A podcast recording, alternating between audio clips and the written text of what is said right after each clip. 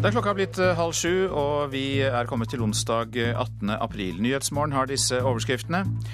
Arbeiderpartiet ønsker å renvaske utenriksminister Jonas Gahr Støre i habilitetssaken. Aps eh, Martin Kolberg raser mot lederen av kontrollkomiteen på Stortinget fra Frp. Komiteens leder, som også er sakens ordfører, behandler denne saken i mediene. Gir den tunge politiske kommentarer uten at saken er blitt behandlet i komiteen. Nesten alle innsatte som er dømt til forvaring, slippes for tidlig ut i samfunnet. Det sier fengselsdirektør. Arbeidsministeren er i USA for å lære av amerikanernes erfaringer etter oljekatastrofen i Mexicogolfen for snart eh, to år siden. Og statistene i film- og TV- og reklamebransjen vil ha mer oppmerksomhet. Krever lønnsøkning etter mange års stillstand. Det er veldig mye utnytting i bransjen. Tar du et oppdrag på ja, 500 kroner for en hel dag og har reiseutgifter og må skatte av det, og kanskje kjøpe din egen mat, så kan du i verste fall gå i minus uansett. Daglig leder Ruben Løfgren i Norsk Smårolleforbund. Her i studio i dag, Øystein Heggen. Ja, Arbeiderpartiets eh, Martin Kolberg raser mot lederen av kontrollkomiteen på Stortinget. I går kveld bestemte komiteen å åpne egen sak mot Jonas Gahr Støre etter pengebråket rundt Senter for nordområdelogistikk og eh, Støres eh, venn der, Felix Tschudi. Men Støre har ingenting å skjule, mener han selv. Jeg er veldig trygg på min fremstilling av denne saken. Det er en måte å få søkelys på en sak som jeg opplever kanskje ikke er kommet fullt fram i mediene, men så kommer kanskje fullt fram nå. Utenriksminister Jonas Gahr Støre var selv glad for nyheten. I går kveld bestemte kontroll- og konstitusjonskomiteen på Stortinget at det skal åpnes egen sak mot Støre og Utenriksdepartementet. I 2008 godkjente Utenriksdepartementet 6 millioner kroner i støtte til stiftelsen Senter for nordområdelogistikk.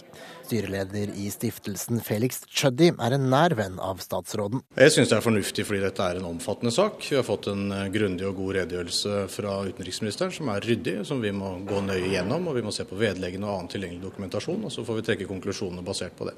Sier Fremskrittspartiets Anders Aanundsen. Han er leder i kontroll- og konstitusjonskomiteen på Stortinget, og selv om komiteen var samstemte, tror han motivene for enigheten var mange. Det er nok ulike motiver fra de ulike partiene for å løfte dette ut. Jeg luftet dette for komiteen i forrige uke. Eh, da var det ikke noe særlig stemning for det. Eh, jeg registrerer at stemningen har snudd seg i løpet av noen dager. Initiativet kom fra nestleder i komiteen, Arbeiderpartiets Martin Kolberg. Han mener komiteens leder selv har vært med på å forhåndsdømme Støre i media. Komiteens leder, som også er sakens ordfører, behandler denne saken i mediene. Eh, gir den tunge politiske kommentarer uten at saken er blitt behandlet i komiteen. Det reagerer vi veldig sterkt på, og eh, det var derfor vi tok initiativet til dette i dag, for å få stoppet dette politiske spillet. For nå behandles den bare i mediene av opposisjonen, og det må det bli slutt på. Ja, det er jo naturligvis helt feil. Eh, hvis en ser på det jeg har sagt, så har jeg sagt at det er noen ting som nå fremstår som ganske tydelig. Også at Trudy er en av pådriverne for dette prosjektet. Det tror jeg er veldig vanskelig å bortforklare. Ehm, så jeg tror det er viktig å forholde seg til det faktisk sier. Det er ikke at jeg har konkludert med hva som er kritikkverdig, men at vi faktisk må ta alle disse tingene med oss inn i den prosessen vi skal ha. Vi har ingen flere spørsmål å stille. Altså Arbeiderpartiet og posisjonspartiene har ingen flere spørsmål å stille. Det er mulig opposisjonen har det. Eh, da må de stille dem nå. Og så kan komiteen behandle det og trekke sine politiske konklusjoner. Og da må selvfølgelig Anundsen og alle andre mene sitt. Men å mene noe på forhånd, det er det som er bakgrunnen for det initiativet vi har tatt i dag. Og det var Kent Amar Eriksen som hadde laget denne, dette innslaget. Arbeidsminister Hanne Bjurstrøm er denne uka i USA for å lære av amerikanernes erfaringer etter oljekatastrofen i Mexicogolfen for to år siden. Erfaringene kan ha betydning for diskusjonen om eventuell oljeutvinning i arktiske strøk. Arbeidsministeren sier at hun vil gå gjennom regelverket for å sikre Norge en trygg oljevirksomhet. Fredag er det to år siden eksplosjonen om bord i boreriggen Deepwater Horizon i Mexicogolfen, der elleve mennesker mistet livet. Det tok hele tre måneder før oljeselskapet BP klarte å stanse oljeutslippet på havbunnen. Fem millioner fat olje strømmet ut i Mexicogolfen, i det som blir betegnet som den verste miljøkatastrofen i USAs historie. Arbeidsminister Hanne Bjurstrøm er denne uken her i USA for å få innsyn i den totalgjennomgangen amerikanske myndigheter nå har gjort etter Deepwater Horizon. Etter sine møter her i Washington varsler statsråden gjennomgang av det norske regelverket og den norske tilsynsordningen for å sikre at Norge har den beste sikkerhetsklarerte oljevirksomheten. Jeg vil se på uh, måten vi organiserer uh, hele sikkerhetssystemet på. Jeg vil se på hvordan vi forholder oss til små selskaper. De har ofte mindre erfaringer knyttet til å gjennomføre den type reguleringer vi har. Og så har vi etablert et godt videre samarbeid med amerikanerne på sikkerhetssiden, og særlig eh, i forhold til arktiske strøk. Arktis og nordområdene byr på store utfordringer når det gjelder oljeleting og oljeutvinning. Røffere værforhold og sårbart klima krever klare sikkerhetsinstrukser og offentlige tilsynsorganer som årvåken følger med for å forhindre nye katastrofer. Norge inngår nå tettere samarbeid med amerikanske myndigheter for å følge opp oljebransjen og sikre den beste sikkerhetsstandarden. Altså, det er jo en del av mitt ansvar gjennom Petroleumstilsynet. Derfor er det samarbeidet vi nå eh, etablerer med amerikanerne også når det gjelder arktiske strøk, veldig viktig. De har lang erfaring med dette. Og her skal vi rett og slett lære, og for å si det litt enkelt, stjele det vi kan i forhold til å, å få et forsvarlig nivå også vi, eh, med det arbeidet vi skal gjøre. Under sitt besøk her i Washington fikk arbeidsminister Hanne Bjurstrøm skryt for den måten Norge følger opp sin egen oljevirksomhet. Men den norske statsråden mener det er ingen grunn til å hvile på noen laurbær. Hun vil ha de strengeste sikkerhetsregler på plass før oljeboring i Arktis og nordområdene, for å unngå en ny Deepwater Horizon-katastrofe. Jon Gelius, Washington. Så til avisenes forsider sprer sitt hat fra cella, skriver VG. Anders Behring Breivik brevveksler med folk i 20 land. Avisa har sett brevvekslingen med en amerikaner som støtter Breivik og drømmer om å møte ham. Kriger om Breiviks hjerne er Dagbladets oppslag. Tiltalte nekter hjerneskanning og flere andre tester, slik de psykiatrisk sakkyndige har bedt om. Breivik opplever det som en fornærmelse og en insinuasjon. Anders Behring Breivik kjemper for sin egen tilregnelighet, skriver Aftenposten. En lignende kamp har vi ikke sett i en norsk straffesak tidligere. Anders Behring Breivik fremstår som en overbevist fascist. I sin forklaring omfavner han kjente nynazister og rasister. Det er Klassekampens oppslag. Breiviks eh, forsøk på å bruke rettssaken som talerstol er så dårlig at eh, det er dømt til å mislykkes, skriver Dagsavisens kommentator. Men man bør ikke undervurdere og latterliggjøre ham, det sier historieprofessor Øystein Sørensen til Dagsavisen. Etter at eh, Anders Behring Breivik hadde brukt 75 minutter på å presentere sin ideologiske bakgrunn, gikk luften gradvis ut av hans oppblåste selvbilde. Det skriver Adresseavisens politiske redaktør Siri Wahl Olsen ble mer religiøs av terrorplanene, leser vi om den terrortiltalte i vårt land. Men de kristne martyrer ofret seg selv, ikke andre, skriver avisens kommentator Erling Rimehaug. Kan ikke garantere at alle våre piloter betaler skatt, sier Norwegian-sjef Bjørn Kjos til Nordlys i dag. Avisa har de siste ukene skrevet flere artikler om at flyselskapet leier inn piloter og kabinansatte fra utenlandske vikarbyråer, og ansetter dem på korttidskontrakter.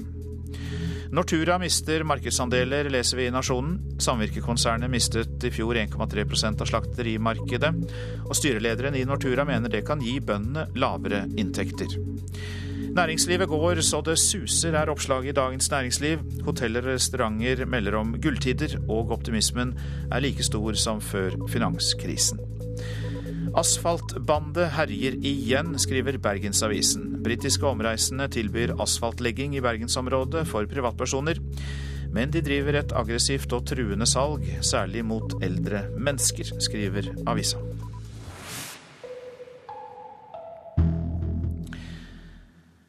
Kommersielle dataspill kan brukes til undervisning i skolen. Det mener Magnus Hontvedt, som forsker på temaet ved Høgskolen i Vestfold. Han har sett at elever kan lære av å spille dataspill, som action- og eventyrspillet Assassin's Creed. Hvis man ser på det engasjementet ungdom viser når de spiller eh, på fritiden, hvor mye tid de kan bruke på å komme seg ut av et rom uten vinduer eller eh, over en høy mur som virker umulig å komme over, så ser man at uh, dataspill er engasjerende og motiverende, og de klarer å skape gode læringsmiljøer. Assassin's Creed 2 er et kommersielt action- og eventyrspill det kan brukes til historieundervisning, sier Magnus Hontvedt, som i sin forskning ved Høgskolen i Vestfold har vært med å teste dette i en videregående skoleklasse. Man skulle da gå ut og, og utforske renessansens frense og skrive om ting de finner i spillet. Hontvedt har også forsket på bruk av dataspill som er laget for undervisning. Klassen VG1 i medier og kommunikasjon ved Horten videregående skole har vært med å teste et spill om å være journalist i Midtøsten. Jeg husker mer av eh, den dagen der enn når vi bare satt og hørte på foredrag osv. Det var på en måte en lettere måte å følge med på. på en måte. Jeg syns det var veldig morsomt. Og mm, jeg er ikke sånn som spiller dataspill på fritiden. Jeg har egentlig aldri gjort det før. Fordelen med kommersielle, vanlige dataspill er at de ofte er mer omfattende og bedre laget, sier Magnus Hontvedt. Men actionspill som Assassin's Creed inneholder også en del vold. Det er åpenbart problem. Eh, nå var jo dette Assassin's Creed-prosjektet var jo relativt voksne elever, så dette krever jo dette kommer ikke til å bli noe enklere for lærerne med det første. Det, men det er veldig, likevel veldig viktig, eh, mener vi, å, å, å, jobbe med disse overgangene mellom der man teoretisk lærer om noe, til der kunnskapen skal anvendes seinere. Og reporter her, det var Henrik Bø. Rushtidsavgift for biler, det har vi hørt om. Men det kan også bli rushtidsavgift eh, på buss, trikk og banebilletter i Oslo og Akershus. For selskapet Ruter mener at tidsdifferensierte billettpriser bør vurderes, dels for å skaffe mer penger, dels for å utnytte kapasiteten bedre utenom rushen. Jeg syns det er helt vanvittig. Fordi at man ønsker jo at folk skal la bilen stå rett og slett veldig teit. Altså, det er mange som bruker kollektivtrafikk, så det er skikkelig unødvendig. Dårlig gjort. Virkelig. Det virker jo litt mot sin hensikt, gjør det ikke det? Det er vel da folk flest kjører buss? Folk er jo på jobb på et visst tidspunkt og har ikke ofte veldig, veldig mye valg når de kan dra og komme tilbake. Det er Ruters styre som mener at såkalt tidsdifferensierte kollektivtrafikkpriser bør vurderes som et ledd i en økning i billettprisene sett under ett. Utspillet er en del av Ruters innspill til Oslopakke 3 og Nasjonal transportplan. Administrerende direktør Bernt Reitan Jensens begrunnelse er å utnytte kapasiteten best mulig. Det er jo sånn nå at veldig mange vil reise i rushtidens sånn viktigste eh, tidspunkt. og Da er det sånn at det er det som styrer eh, rett og slett hvor kravet eller behovet for hvor mye kapasitet vi må ha. Det gjør at vi har masse kapasitet resten av eh, døgnet som er, som er, lite utnyttet. Og nå må vi vurdere også å gjøre det attraktivt å reise på disse tidspunktene. Men folk begynner jo gjerne på jobb, skole eh, på morgenen og slutter på ettermiddagen? Og det er klart at eh, Vi må fortsette å levere nok kapasitet da. Men det hadde hjulpet veldig mye hvis vi hadde klart å flytte litt på noen som kanskje ikke hadde behøvd å reise på akkurat de tidspunktene det er som fullest. Men risikerer ikke da ved en rushtidsavgift på kollektivtrafikken å bare skremme folk tilbake igjen på vei? Nå, nå, brukte jo du ordet rushtidsavgift. Det går jo an å se for seg at det faktisk skal bli rimeligere å reise på de tidspunktene det ikke er dyrest for oss å, å, å frakte kundene våre. Men la meg understreke at dette ikke på noen måte må gjøres sånn at det blir konkurransevridende i forhold til eh, å velge bilen. Men selv om tidsdifferensierte priser i teorien kan bety at billettene totalt sett blir billigere, er det ingenting som tyder på dette i dokumentene fra Ruter, snarere tvert imot. Styret sier helt klart at dersom det blir dyrere å kjøre bil, og pengene går til å styrke kollektivtrafikken, ligger det til rette for det de kaller tilpasset prisøkning, også på buss, trikk og bane. Og i dokumentet ved navn Innspill til nasjonal kollektivtrafikkpolitikk er ett grep sitat årlig realøkning av billettprisene, begrunnet med at prisøkning har mindre negativ virkning på bruken av kollektivtrafikken enn kapasitets- og kvalitetssvikt. Sitat slutt. For Ruter trenger mer penger, rett og slett fordi nye passasjerer koster mer enn de smaker, sett fra et rent bedriftsøkonomisk synspunkt. For å si det enkelt, så kan vi jo si at hver eneste ny passasjer koster oss eh, ti ekstra kroner. Det er sånn at Billettinntektene dekker eh, jevnt over bare halvparten av de kostnadene vi har ved å frakte de nye passasjerene. så Derfor så er vi avhengig også av at tilskuddene går opp. Men når man skal få folk til å ta mer kollektivt, så er det jo det å komme seg på jobb til og fra jobb. Ja. Og eh, hvis de skal begynne å innføre avgifter det, da er det rett og slett bare en ny beskatning, altså. Ja, så det er vi sterkt imot. Reporter her, det var eh, Olav Juven. I dag er det 100 dager til OL i London. Britiske myndigheter kaller lekene den største oppgaven landet har håndtert i fredstid. Men sjefen for det hele, Sebastian Coe, bedyrer at han ikke sover dårlig om natta. No, I don't sit there awake at night. Sebastian Coe gleder seg til OL. Selv har han tatt to OL-gull. Han har slått mange verdensrekorder, men akter ikke å gjøre det som sjefen for de olympiske sommerleker i London. A lot of world records in my time, many of them in the Bislett Stadium. I don't intend to break another one and be the first games to be late in delivery. So no, we're, we're confident. We're confident we will deliver on time, and we're actually very confident we will deliver. Vi er i rute, også økonomisk, sier Sebastian Coe til NRK. Men nylig uttrykte britiske politikere bekymring for pengebruken. Budsjettene for både sikkerhet og seremoniene har for lengst sprukket. Og er det riktig å bruke 11 milliarder pund på et idrettsarrangement når Storbritannia og Europa strupes av økonomisk krise? Ja, mener Coe. It's created jobs that would not have been created. It's safeguarded jobs in businesses that would otherwise have really struggled. OL har både skapt nye og sikret gamle arbeidsplasser, mener OL-sjefen. Britiske myndigheter kaller lekene den største logistikkøvelsen i fredstid. 15 000 utøvere, 45 000 journalister, 150 statsledere, nesten en million publikummere på én dag, 35 000 sikkerhetsvakter og politi.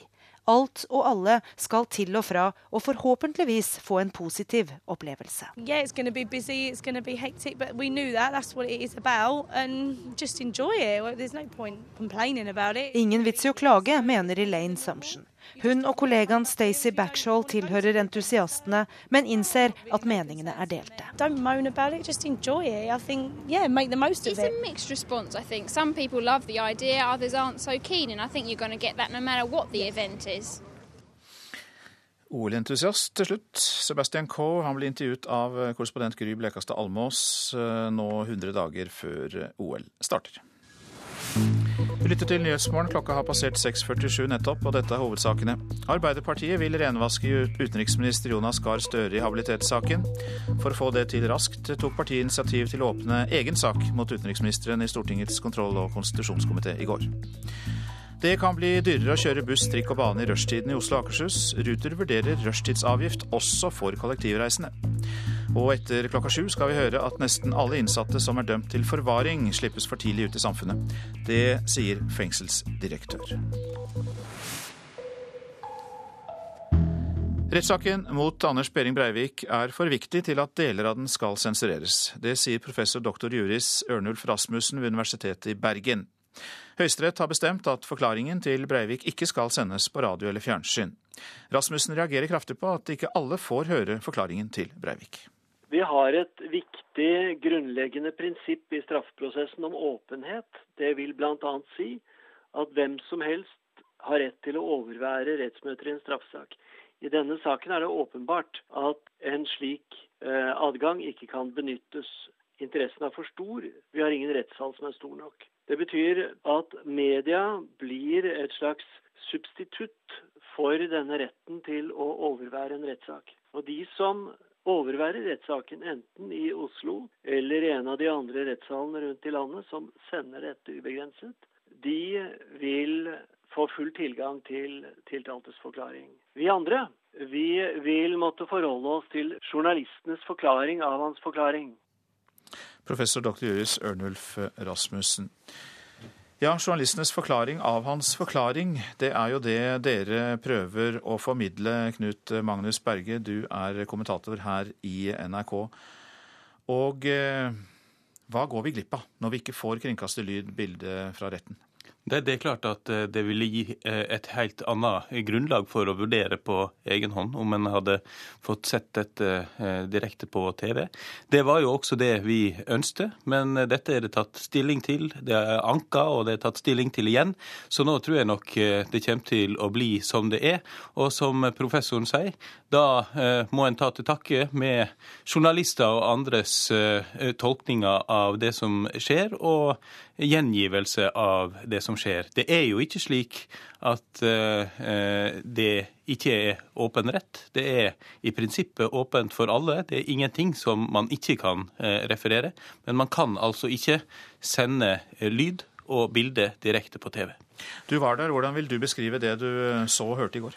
Nei, Det er jo en for det første veldig spesiell stemning inni denne rettssaken. Selvsagt eh, er det det.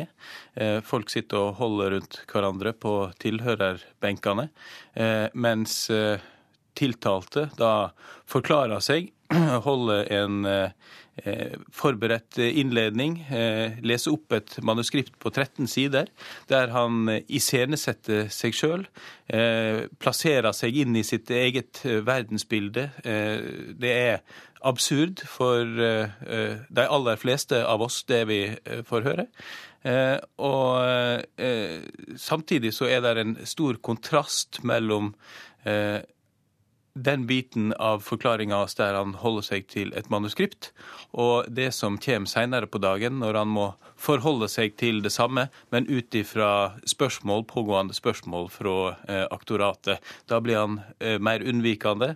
Han eh, tilpasser åpenbart budskapet sitt til eh, det som er målsettinga hans, eh, og det er jo her å bli sett på som tilregnelig til slutt. Ja, Så du tror kanskje at de sakkyndige får eh, samlet inn ny informasjon for å vurdere nettopp det?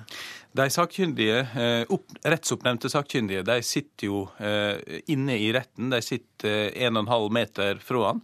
De ser rett på han i vitneboksen, og det er klart at det som kommer fram i retten eh, nå, er veldig interessant for dem.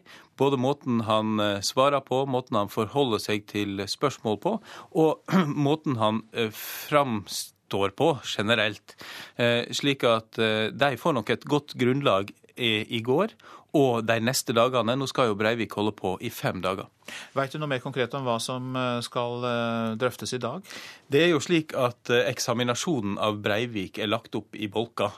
Og den bolken som man begynte på i går, er den som strekker seg fra han slutta på gymnaset i 1998 og fram til han flytta hjem hos mor i 2006.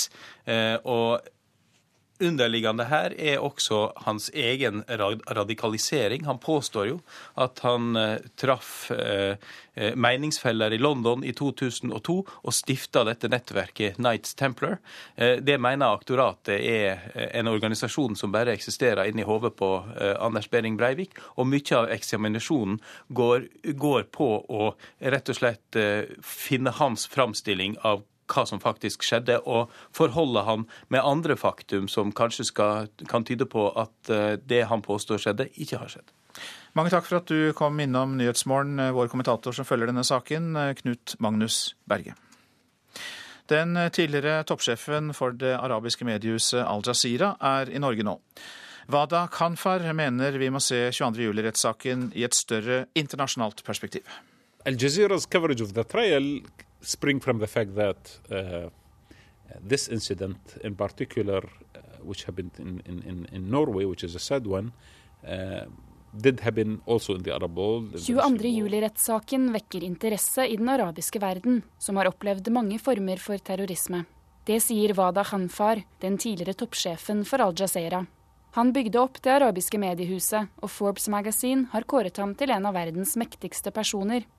Nå er Al Jazeera i Oslo for å dekke terrorrettssaken. Uh, well radicalization that is happening in the world. Uh, there is a rise of extremism, unfortunately. Media bør se 22.07 i sammenheng med framveksten av ekstremisme i ulike former over hele verden, sier Hanfar. Uh, some kind of extreme understanding of identity. Mens globaliseringen øker gjennom internett og sosiale medier, avviser noen å ta del i dette fellesskapet og isolerer seg ideologisk. That is a bigger cause. It is not only in Norway, actually, unfortunately, in many parts of the world. I Norge og Europa har Al Jazeera en fordel i mediedekningen fordi de har et utenfra-perspektiv og lettere kan se hele bildet, mener den tidligere toppsjefen. Sometimes once you involved in it, you may not be able to see the full picture. Uh, the people from outside might be able to see the full picture. Al Jazeera har blitt mer opptatt av Europa de siste årene. Da den engelskspråklige versjonen ble lansert i 2006, tok kanalen opp konkurransen med europeiske medier. Then our interest in Europe became much more than before. That created also uh, more interest in, in more of the European uh, cultural and uh, social fabric of, of these. Likevel mener Wada Hanfar at Al-Jazeera beholder utenfra-perspektivet. Det er nyttig for å kunne se terrorrettssaken i en større sammenheng. Currently, it might be useful to reflect on that particular incident here in Norway and internationally as well, in order to ask our questions why these phenomena, be it in Norway or in Britain or be it in the Arab world, why is it emerging? We need some real dialogue and debate from within our societies and internationally in order to reach a point of peace. Reporter her, det var Ida Kvittingen. Norske bønder kan bli nødt til å låse inn kunstgjødsel, for myndighetene vil ha strengere kontroll med gjødsel, og innen 15.6 kommer Direktoratet for samfunnssikkerhet og beredskap med forslag til kontrolltiltak. Etter 22.07 ble rutinene for salg av kunstgjødsel til privatpersoner skjerpet, men reglene for håndtering, oppbevaring og tilsyn de er som før. Det kan dermed bli endret nå, skriver Nasjonen. Norske statister føler seg utnyttet av produsentene av film, TV og reklame. Ifølge Statistforeningen Norsk Smårolleforbund har lønningene langt på vei stått stille i 20 år. Og nå samler de troppene for å kjempe for bedre betaling. OK. Lyd går. Kamera går. Og action. Tungene krøller seg på settet til sci-fi-filmen 'Everyone'. Et nytt opptak betyr mer venting på bakrommet for statist og leder av Norsk Smårollerforbund, Ruben Løfgren. Jeg Vet ikke om jeg får være med i dag. 'Everyone' er en amatørfilm, og som en vennetjeneste stiller Løfgren opp gratis. Overfor profesjonelle produksjoner varsler imidlertid Statistforbundet nå kamp, særlig om det de mener er den etablerte standardsatsen for jobben de gjør. Det har jo stått på stedet hvil siden slutten av 80-tallet, begynnelsen av 90-tallet. Hvor fast statisthonorar har vært rundt 250-500 kroner. Løfgren vil ikke trekke frem noen enkelte oppdragsgivere, men mener problemet er gjennomgående både i film-, TV- og reklamebransjen. Når det ferske Statistforbundet samles til sitt første offentlige medlemsmøte denne uka, er en minstelønn på 1000 kroner dagen kampsak nummer én. Det er veldig mye utnytting i bransjen. Tar du et oppdrag på ja, 500 kroner for en hel dag og har reiseutgifter og må skatte av det, og kanskje kjøpe din egen mat, så kan du i verste fall gå i minus uansett. Hvilke lønnserfaringer har du selv? Hva er det, hva er det minste du har fått for en film? Uh, minste jeg har fått, er en kebab. Altså, jeg begynte jo for så vidt min karriere, tror jeg, som statist. Og vet jo hvor uendelig mye venting det er, og hvor kaldt det er, og at man kommer først og går sist og får dårligst betalt. Det sier regissør Petter Ness, som bl.a. står bak den Oscar-nominerte filmen om Elling. Statistene er jo en del av et kunstnerisk uttrykk. De er et, de er et miljø. De er en del av vis visualiteten i en film. Og det er også en del av psykologien i en film. Vårt inntrykk er at norske statister blir ivaretatt godt av de profesjonelle selskapene. Det sier generalsekretær Leif Holst Jensen i Produsentforeningen, som påpeker at det finnes mange ulike typer statistoppdrag. Noen ganger krever du at du er til stede en time, noen ganger krever det at du reiser langt av gårde og er til stede i mange timer. Dette varierer så enormt at det å lage en fast ramme eller sats på dette, det ser ikke vi for oss som hensiktsmessig. Hvis man syns det er for dårlig betalt og er der for betalingens skyld, så må man kanskje heller finne på noe annet. Reporter Gjermund Jappé. Nå til været. Fjell i Sør-Norge, liten kuling i høyfjellet sør for Finse. Sludd og snø, først kommer det i Langfjella. Østafjells først på dagens rauslig liten kuling vest for Lindesnes. Regn og snø over 500 meter. Lite nedbør i nord og øst for Lillehammer, og fra i kveld lettere vær i Agder. Så Vestlandet sør for Stad. Liten kuling utsatte steder. På kysten av Rogaland sørøstlig stiv kuling første del av dagen. Litt regn som brer seg nordover. Snø over 500-700 meter. Lite nedbør nord for Bergen. Fra i ettermiddag overgang til enkelte byger i Rogaland. Så går vi til Møre og Romsdal og Trøndelag. Stort sett pent vær. Fra i ettermiddag tilskyende i indre og sørlige områder. Nordland og Troms for det meste pent, men perioder med skyet i indre strøk. Finnmark enkelte snøbyger ytterst på kysten og lengst i øst, men ellers oppholdsvær. I ytre strøk kan det bli mye pent vær. Nordensjøland på Spitsbergen nordlig bris, pent vær. Temperaturer klokka fem. Svalbard minus ti. Kirkenes minus fire. Varde pluss én. Alta minus åtte. Tromsø minus fire. Bodø null grader. Brønnøysund pluss to. Trondheim-Værnes minus to. Molde også minus to. Bergen pluss fire. Stavanger pluss fem. Kristiansand-Kjevik pluss tre. Gardermoen er nede i minus tre. Lillehammer også minus tre. Og Røros var faktisk nede i minus 18 klokka fem i natt. Oslo-Blindern hadde null grader.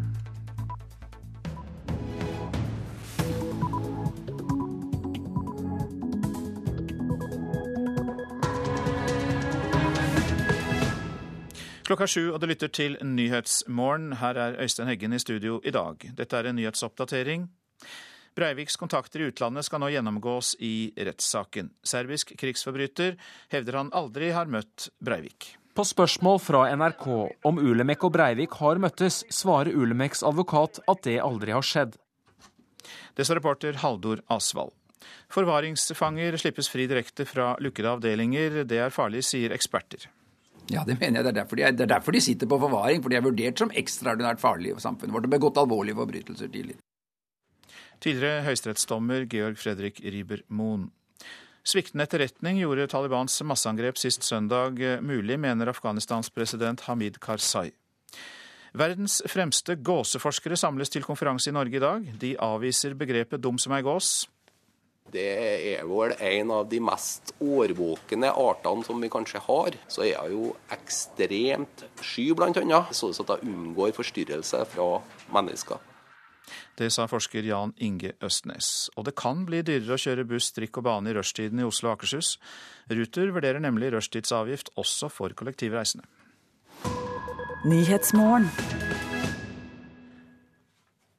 Den drapsdømte serberen Milorad Ulemek har aldri hatt kontakt med Anders Behring Breivik. Det sier hans forsvarer til NRK. Breivik har selv sagt i avhør at han har møtt en serbisk krigsforbryter i Liberia, og norsk politi har jobbet for å finne ut om Ulemek er denne mannen.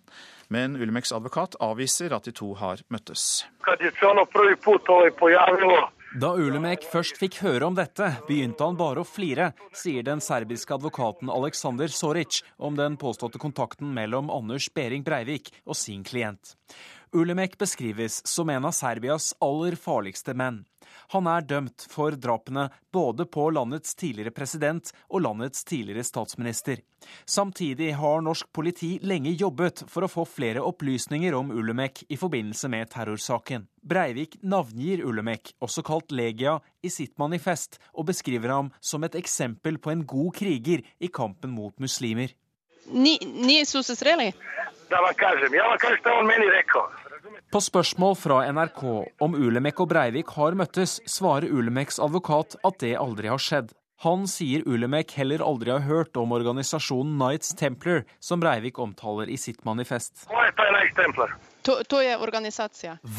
Knights Templar, svarer Soric når NRK spør ham om dette.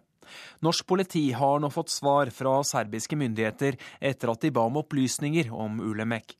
Pressekontakt Roar Hansen i Oslo politidistrikt vil ikke si hva de har fått vite av serbisk politi, men sier politiet ikke ser noen grunn til å gå videre med saken om Ulemek. NRK har også vært i kontakt med den britiske høyreekstremisten Paul Ray. Han nekter også for å ha hatt noe med Breivik å gjøre. Breiviks kontakter i utlandet var tema under gårsdagens utspørring av ham, og det er ventet at han vil få flere spørsmål om dette i rettssaken i dag. Og det var eh, Haldor Asvald og Eva Marie Strand som hadde laget denne reportasjen. Da ønsker jeg velkommen til Henrik Syse, filosof, forfatter og forsker, og advokat Frode Sulland, som er vår ekspertkommentator under denne rettssaken. Og eh, jeg går først til deg, Frode Sulland. Hva kan vi vente oss i retten i dag? Nei, Det som er bebudet, er jo at eh, aktor skal fortsette sin utspørring av Breivik. Og hun ble jo spurt i går og ga, så vidt jeg oppfattet, uttrykk for at hun hadde fortsatt en god del igjen av denne første bolken med bakgrunn og uh, det hun var i ferd med i går, og at deretter skal uh, forsvarer og bistandsadvokater stille spørsmål om dette temaet. Uh, dommeren ga jo allerede i går uttrykk for at man måtte være opptatt av tidsbruken. og det er på den ene side hennes eh, oppgave, men på den annen side oppleves nok ofte litt anmasende fra aktørene, fordi dommerne eh, har jo ikke egentlig selv oversikt over eh, hva aktørene har tenkt å bruke tiden på. I denne saken så har vi også den litt spesielle situasjonen at aktoratet ikke har gitt uttrykk for hvor de vil hen med sine spørsmål i forhold til dette med tilregnelighet eller utilregnelighet. Er det kritikkverdig? Ja, etter mitt syn så skaper det jo nettopp dette problemet for aktørene. At man vet ikke hva som er eh, hensikten med en del av spørsmålsstillingen. Og man lurte vel kanskje på noe av det i går også, når det ble gravet i eh, hans eh, litt pompøse, oppblåste CV, og at han hadde 15 000 siders studier bak seg, og at man stilte spørsmålstegn ved hva dette egentlig var for noe. Hvilken retning skal det gå i? Hva er det man skal bevise ved å stille slike spørsmål? Og når man da ikke vet hvilken holdning aktoratet egentlig har til tilregnelighetsspørsmålet, så har man heller ikke det bakteppet for å vurdere relevansen av disse spørsmålene. Så vi er tilbake der vi var eh, første dag vi snakket sammen, om at du mente at eh, aktoratet burde ha vært klarere på hva de mener om tilregnelighet før saken startet? Ja, etter mitt syn så er det litt uvanlig, for å si det forsiktig, at påtalemyndigheten ikke tar et klart standpunkt til et del av skyldspørsmålet i saken. Og nå ser man det under eksaminasjonen av tiltalte at uh, man da blir usikker på hvilken relevans har dette i forhold til hva påtalemyndigheten ønsker å føre bevis for. Og det at han har uh, løyet i forklaringer, det at han har uh, en pompøs CV, det at han har forklart seg i en agenda, det har jo ikke så veldig mye betydning for tilregnelighet. Kanskje, ville jeg tro, men det kan jo andre vurdere bedre. Men eh, man må jo hele tiden ha med seg her at Breivik har jo sagt at han fortsatt er i den krigen han så å si definerer seg i. Vil si at han har en agenda, også når han sitter og forklarer seg i retten. Og det er den konteksten, den sammenhengen, man må oppfatte hans forklaring i. Og dermed så er det vel eh, klart at han fortsatt vil forsøke å tegne det bildet som manifestet eh, er en skisse av. Filosof eh, Henrik Syse, hvilket inntrykk har du etter det vi nå har sett i retten? Vi har vel ikke fått så veldig store overraskelser i går sammenlignet med det vi allerede visste om Breiviks synspunkter. Men det er interessant å forsøke å analysere. For all del det virkelig ille i det han har gjort det er jo det at han har drept 77 forsvarsløse mennesker. Om han har gjort det fordi han er redd for multikulturalisme, eller fordi han tror månen er en gul ost, eller fordi han tror han redder menneskeheten med dette, blir på én måte irrelevant stilt overfor det. Samtidig er det veldig viktig at vi forsøker å forstå konteksten hans. Det er hans rett å gi uttrykk for den. Og det som jeg synes kommer veldig tydelig til uttrykk, også i går, det er jo at han lever på sett og vis i sin egen verden. Og det kjennetegner jo ganske mange ideologier, det at de etter hvert bygger opp sitt eget referansesystem. Eh, den amerikanske, eh, opprinnelig tyske filosofen Eric Vogelin eh, kalte det for å skape en second reality. En alternativ virkelighet der opp er ned og ned er opp, og hvitt er svart og svart er hvitt. Og hvis man ikke får det vi på godt norsk kan kalle en reality check, en virkelighetssjekk, som dette korrigeres mot, så kan man etter hvert tro at verden er slik. Det er en måte å analysere mye av nasjonalsosialismen på 1930-tallet også, som klarte å lage en illusjon om at det var jødene som truet verden. Hvis man så litt på hvordan verden så ut, så var det en helt spinnvill forestilling. Men etter hvert klarte man faktisk å bygge opp en verden der folk trodde, skremmende mange trodde, at slik er det. Men hvordan klarer en gutt fra Skøyen i Oslo å bygge seg opp eh, den type verdensbilde? Man kan hente inn mange elementer fra den daglige politiske diskusjonen. Man kan hente inn mange moderate elementer, ting som tilsynelatende stemmer, og det ser man jo i det han sier også. Eh, mange mener jo faktisk en god del av det han sier, hvis vi tar det mest moderate laget i det han sier. Jeg reagerer sterkt mot mye av det også, men for all del, det kan han hente derfra. Men så kan han på egen hånd da sette dette inn i en sammenheng som blir hans egen. Og dette har jo vært veldig kjennetegnet for ham, nemlig at han ikke kontrollerer det opp mot andre. Ta meg som forsker. Hvis jeg påstår noe som er litt ekstremt, så vil det veldig raskt komme noen som vil forsøke å korrigere meg. Som vil si sånn er det jo ikke. Og sånn er vel hverdagen vår også. Vi korrigeres opp mot andre mennesker. Han har ikke tatt imot noen slik korreksjon, og så beveger man seg stadig mer og mer inn i denne alternative virkeligheten, hvor det da plutselig kan virke riktig, f.eks. å kjøre store fly inn i et høyhus eller drepe mennesker mer eller mindre vilkårlig for å oppnå noe. Frode Sulland, du har jo vært i mange rettssaler. Eh, Anders Behring Breivik opptrer jo lydig, på en måte nærmest litt underdanig av og til, men også trassig. Hvordan opplever du han som type i rettssalen? Han eh, plasserer seg akkurat der, eh, i tråd med veldig mange andre som eh, i den situasjonen vet fra alt de har lært, at de skal oppføre seg ordentlig. De skal være høflige, og de skal respektere retten. Samtidig så skal de jo forsvare sine egne handlinger, og når de da tråkkes for nære, de blir eh, tatt i eh, å forsøke å fortegne virkeligheten, og det skjedde jo noen ganger i går, så blir det en, en motreaksjon hvor det kommer gjerne kall det en trassighet eller en uh, irritasjon. Og det vil vi nok se også i betydelig grad i fortsettelsen. Til slutt, Henrik Syse. Ser du noen historiske paralleller til personen Anders Behring Breivik? Ja, dessverre finnes det mange paralleller ideologisk sett. Slik sett plasserer han seg inn i noe som er ganske kjent. Og som eh, norske historieprofessor Øystein Sørensen veldig korrekt har påpekt, så er det et allment trekk ved veldig mange slike både bevegelser og enkeltpersoner at de ser det som nødvendig at man ekstremiseres. Man er nødt til å gjøre det ekstreme for å oppnå noe. Det er ganske skummelt, men da må vi være desto mer på vakt når vi ser dette, dette rundt oss, selv om det heldigvis sjelden i vårt samfunn har det eh, resultatet som det her fikk. Hjertelig takk for at dere kom til oss i Nyhetsmorgen. Eh, Henrik Syse, som vi hørte der, og eh, Frode Sulland. Vi skal nå høre at nesten alle innsatte som er dømt til forvaring, slippes ut for tidlig i samfunnet. Det mener i hvert fall direktøren ved Ila fengsel, Knut Bjarkeid. Tall fra kriminalomsorgen viser at de fleste går ut i frihet rett fra lukket avdeling. Pål er en av de forvaringsdømte på Ila som venter på å bli sluppet fri. Det her er jo ikke noe liv å sitte i fengsel. Altså, du, du, du overlever jo, sant, og sånne ting. Men uh Pål soner en forvaringsdom for grov vold og kidnapping. Det er sjette året hans på Ila. Foreløpig vet han ikke når han kommer ut. Sånn er det å sone en forvaringsdom. Den innsatte som skal bevise at han eh, at ikke får for gjentakelse. Men fengselsdirektør på Ila, Knut Bjarkeid, er bekymra for at i underkant av 90% av alle forvaringsdømte her i landet slippes rett ut fra lukka avdeling. De burde altså da kommet over i åpne anstalter og andre typer institusjoner som ga de mulighetene til å teste ut kunnskapene. Tidligere høyesterettsdommer Georg Fredrik Riiber-Moen var med på å utrede reglene til Forvaringsinstituttet rundt tidlig 90-tall. Det var ikke dette han hadde sett for seg. Det er jo farlig. Direkte farlig. Hva mener du? da?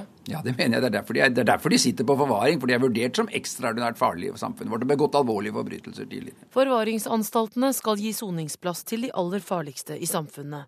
De vi frykter vil begå nye ugjerninger. Og nettopp derfor mener Riber Moen at de forvaringsdømte må få prøve seg i mer åpne anstalter før de kommer ut. Hovedformålet med forvaringsdommen er ikke rehabilitering. Hovedformålet er å beskytte samfunnet via innesperring. Det må aldri glemmes. Men så må man jo nettopp gi dem bedre mulighet for å greie seg ute i det frie samfunn, så har man jo også sørget for å gjøre dem, dem mer, mindre farlige og samfunnet, gjøre samfunnet sikrere. Så her faller jo disse hensyn sammen. Og han støttes av forsker ved Kriminalomsorgens utdanningssenter, Berit Johnsen. Det legges jo opp til at man Eh, at de skal ut en gang. ikke sant? Eh, men man har kanskje ikke tatt godt nok høyde for at det skal være gode muligheter for, eh, for progresjon i soninga ennå. Men det er jo noe som man bør ta tak i. Forvaringssystemet er i år ti år gammelt. Men direktør hos Ila fengsel og forvaringsanstalt Knut Bjerkeid, ser ingen grunn til å feire dette jubileet nå. Vi venter på en løsning i forhold til eh, utslusing av forvaringsdømte. Å få på plass eh, plasser i åpne avdelinger før vi egentlig ønsker å markere dette. Eh, forvaringsordningen er ikke ordentlig på plass ennå.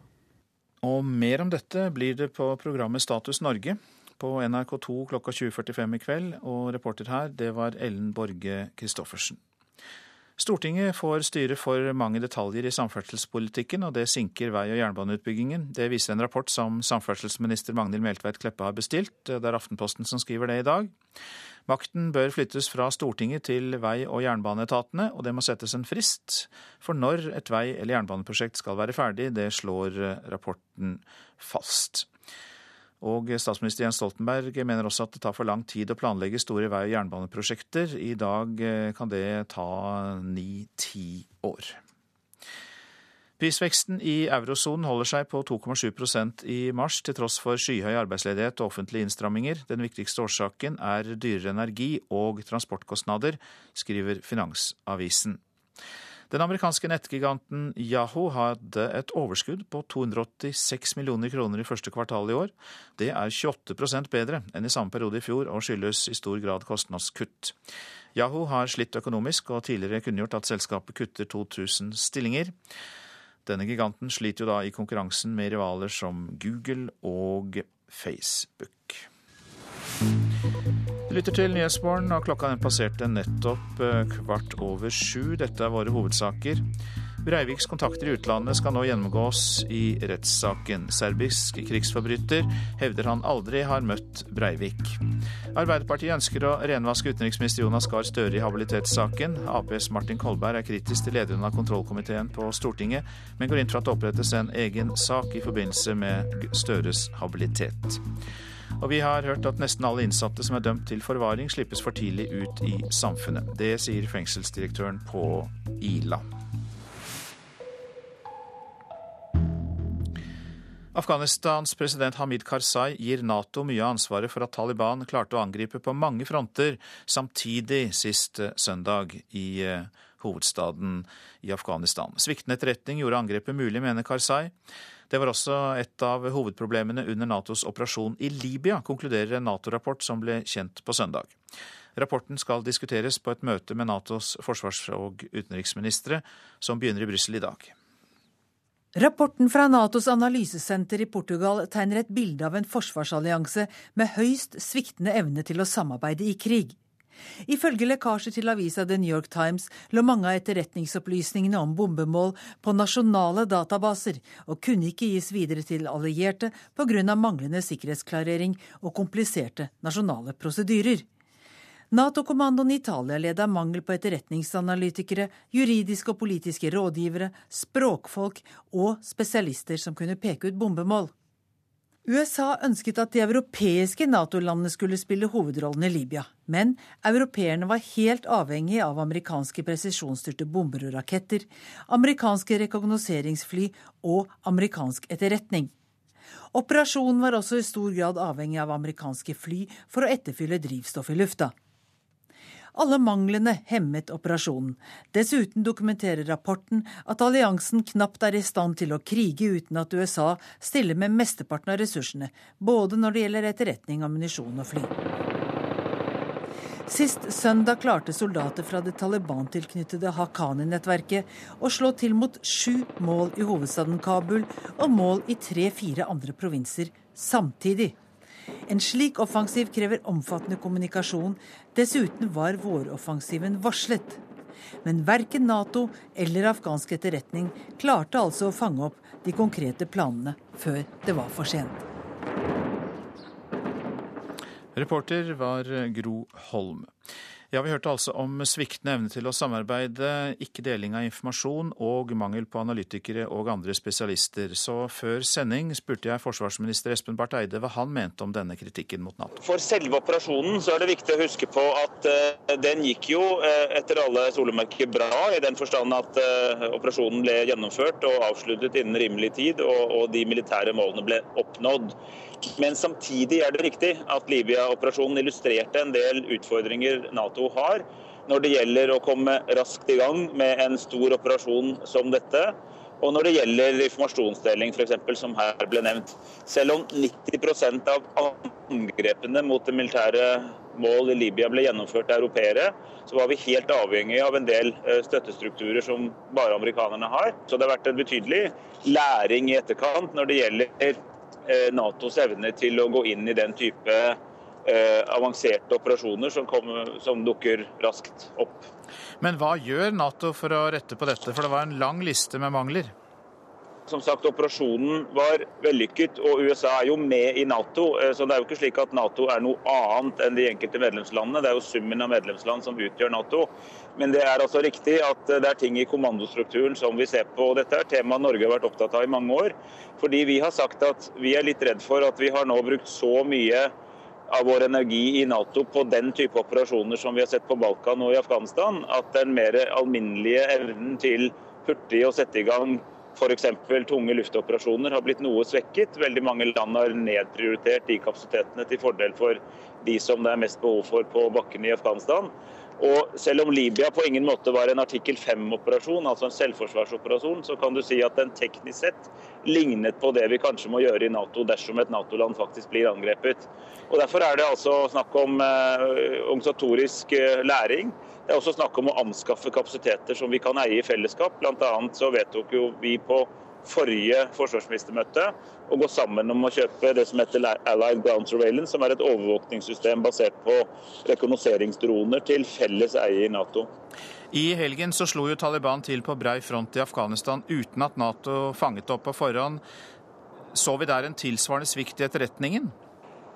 Vel, altså den, Det som skjedde på søndag var på en måte både en eh, dårlig nyhet og en god nyhet. og Den dårlige nyheten var nettopp det Gro Holm påpekte, altså at det var mulig for eh, eh Haqqani-nettverket, som er nært tilknyttet Taliban, å, å, sette i gang en operasjon mange steder samtidig. og Den var ikke avdekket på forhånd, i motsetning til mange andre tilsvarende operasjoner som blir avdekket. Den gode nyheten var at det gikk jo ikke spesielt bra for dem militært, fordi at dette, disse angrepene ble jo effektivt slått tilbake, og ikke minst med afghanske styrker i sentrum. og Det vet vi ganske mye om, fordi våre spesialstyrker jobbet jo tett opp mot eh, eh, det spesialpolitielementet i Kabul som vi har trent opp, og de gjorde en meget god jobb og nedkjempet jo samtlige opprørerne eh, før de fikk gjort spesielt mye skade. Men det betyr ikke at det ikke var alvorlig at de fikk satt i gang. Forsvarsminister Espen Barth Eide på vei til Natos forsvars- og utenriksministermøte i Brussel.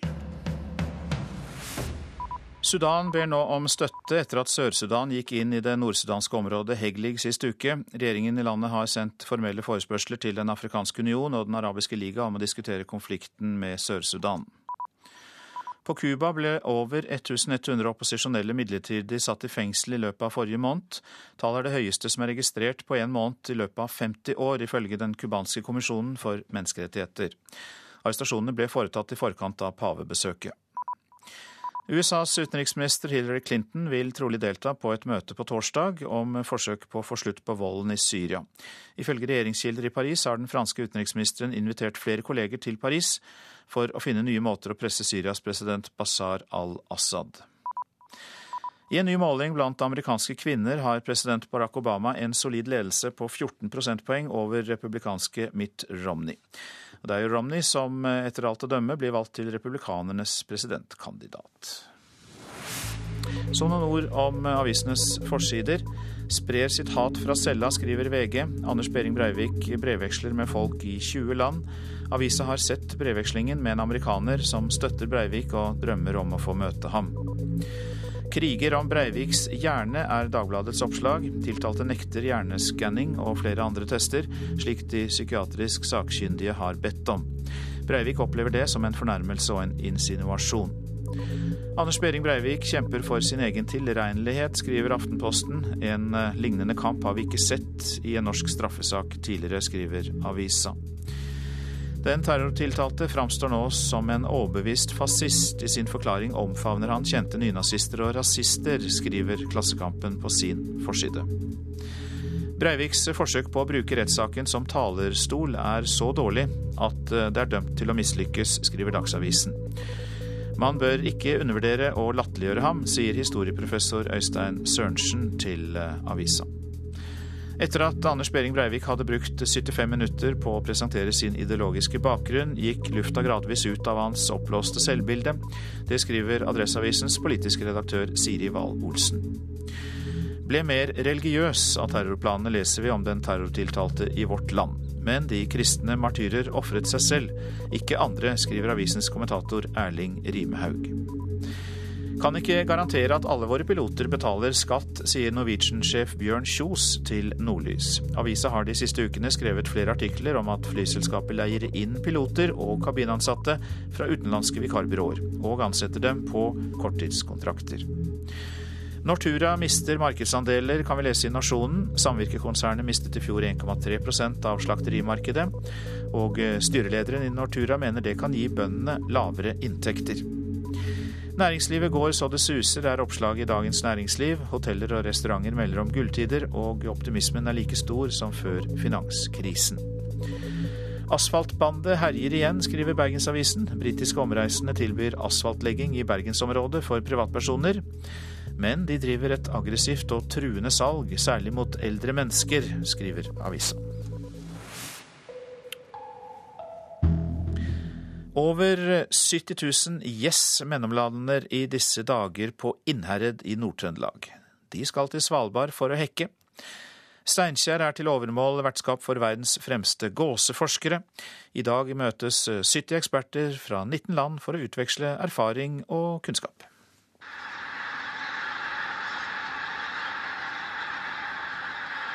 Personlig så syns jeg jo det her er egentlig et eventyr når det her gåsa kommer i de store hordene.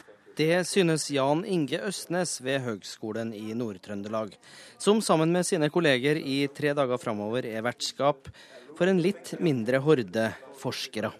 Det er jo egentlig alle forskere som har stor interesse for gås, og som på mange måter har via eh, arbeidskarrieren sin til å jobbe med gås. Så da er det jo egentlig alle mulige ting fra gåsas eh, biologi og trekkforløp til det som har med forvaltningsproblematikken å gjøre, og det som går på konflikter i forhold til landbruksnæringa etc. Kortnebbgåsa er sine artssøsken overlegen i antall. I tillegg til bestanden på nærmere 70 000 fugler som gjester Trøndelag underveis til Svalbard, finnes det òg en bestand som fra Storbritannia trekker til Island og Grønland i sommerhalvåret. Sjefskoordinator for Europas gåseforskere er Bart Ebbinge fra Nederland. Han avviser det gamle ordtaket 'dum som ei gås'. I know some hunters that uh, uh, they said that geese are dumb because if you Ebbinge skjønner at man kan tro gåsa er dum, fordi noen av dem slett ikke flyr langt vekk når andre gjess i flokken blir felt av jegere. Det kommer av at gåsa forstår at det har skjedd noe med sine egne. Because uh, one of their the partner of one of the young has been shot, and so they try to keep the family unit together. And you can call this dumb, but of course, the, biologically, it's a very good system that these families, uh, because uh, young geese, they stay with their parents all the all winter long, and so through the parents, the young they learn where to go, and so this system is is uh, for natural survival. Det er vel en av de mest årvåkne artene som vi kanskje har. Eh, og hvis en observerer en del av disse gjesseren på hekkeplass, så er hun jo ekstremt sky, bl.a. Eh, og det betyr at hun i stor grad òg hekker sånn at hun unngår forstyrrelse fra mennesker.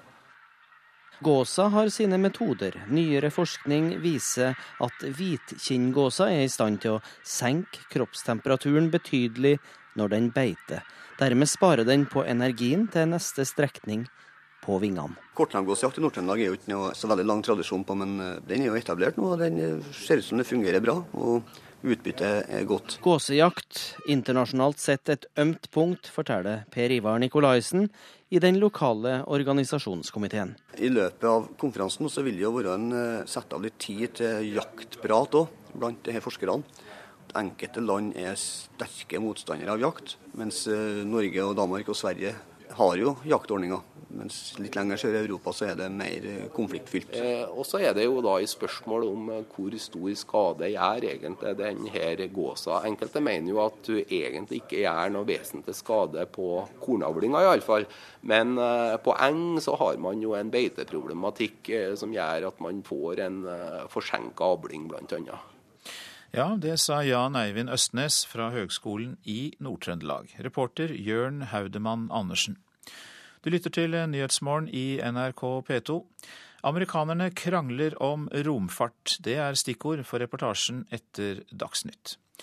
Og Jonas Gahr Støres habilitetssak er et av temaene i Politisk kvarter. Stemmerett eller ikke til 16-åringer får det også høre om i det programmet, som altså da starter kvart på åtte. Prosent for Nyhetsmorgen, Silje Katrine Bjarkøy. Her i studio, Øystein Heggen. Og har du tips eller kommentarer, så kan du sende en e-post til adressen nyhetsmorgen krøllalfa nrk.no. Altså nyhetsmorgen krøllalfa nrk.no. Hør ekko. Hver femte nordmann vil gjeninnføre dødsstraff her i landet. La forbryteren bøte med eget liv. Sånn tenkte vi for 200 år siden også. Da ble folk hengt, halshugget, druknet og brent på bålet i Norge. Rundt i verden skjer det fremdeles. Ekko 9 11 i NRK P2.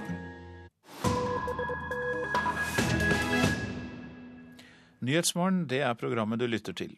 I går dro den amerikanske romferga Discovery ut på sin aller siste reis. Det var ikke lange turen, bare til Washington DC. Romfergene blir regnet som delvis mislykkede pga. politisk krangel. Og nå er amerikanerne i gang med en helt ny romfartskrangel. Vi er ved Kennedy romfartssenter i Florida. Det er tidlig tirsdag morgen. Flystripen ligger midt i det grønne sumplandskapet. To maskiner tar av i den fuktige luften samtidig. En ombygd jumbojet med romfergen Discovery på ryggen. Etter en avskjedsrunde over romsenteret går turen nordover. I landets hovedstad venter pensjonisttilværelsen som museumsgjenstand.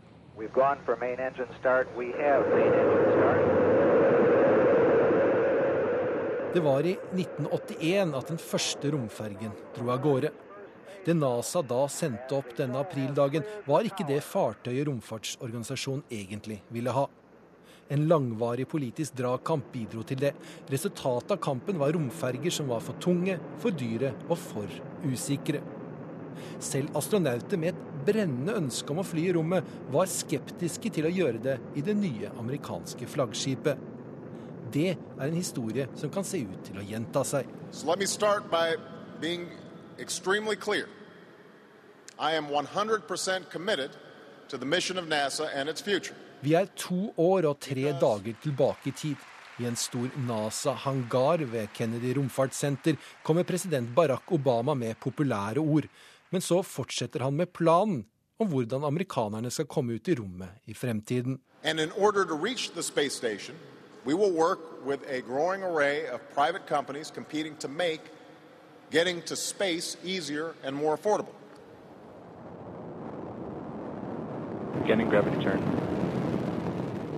Det er firmaet SpaceX som sender opp sin største rakett til nå. På toppen er romfartøyet som Obama mener han skal spare penger med. For presidenten mener på dette tidspunktet at han har drept planene som forgjengeren Bush hadde kommet med. En ny tur til månen med store, flotte, ekstremt dyre fartøyer. Men så blander Kongressen seg inn. The emphasis eh, to the tune of $6 billion into a very fledgling commercial Det er senator Kay Bailey Hutchinson som snakker. Hun mener det er uforsvarlig å gi penger til private slik at de skal utvikle nye romfartøy. Hutchinson og andre politikere som har samme syn, har velgere i ryggen som risikerer å miste jobben. Det får NASA-sjef Charles Bolden til å nesten ty til tårene. Uh, and my dream of ever going to another planet went away. Um, I don't want for my grandkids.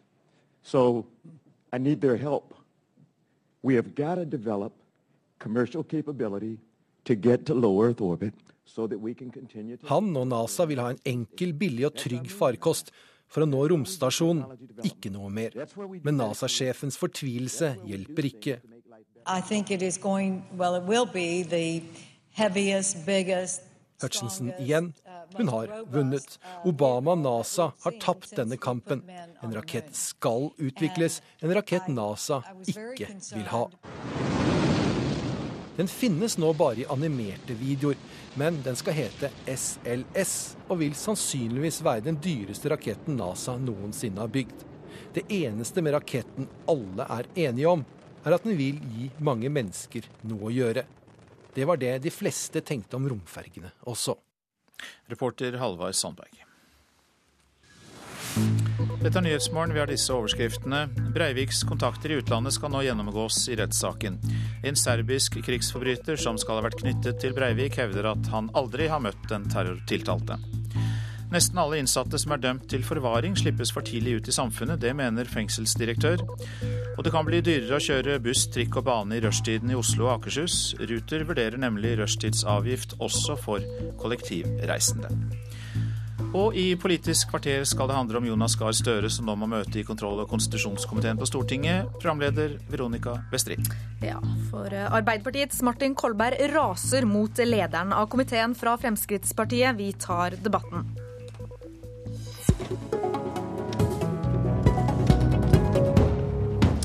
Stortingets eh, kontroll- og konstitusjonskomité vedtok i går kveld enstemmig å åpne sak mot utenriksminister Jonas Gahr Støre etter at han ga penger til Senter for nordområdelogistikk, der hans venn Felix Tschudi er styreleder. Og Anders Anundsen fra Fremskrittspartiet, du er leder i komiteen.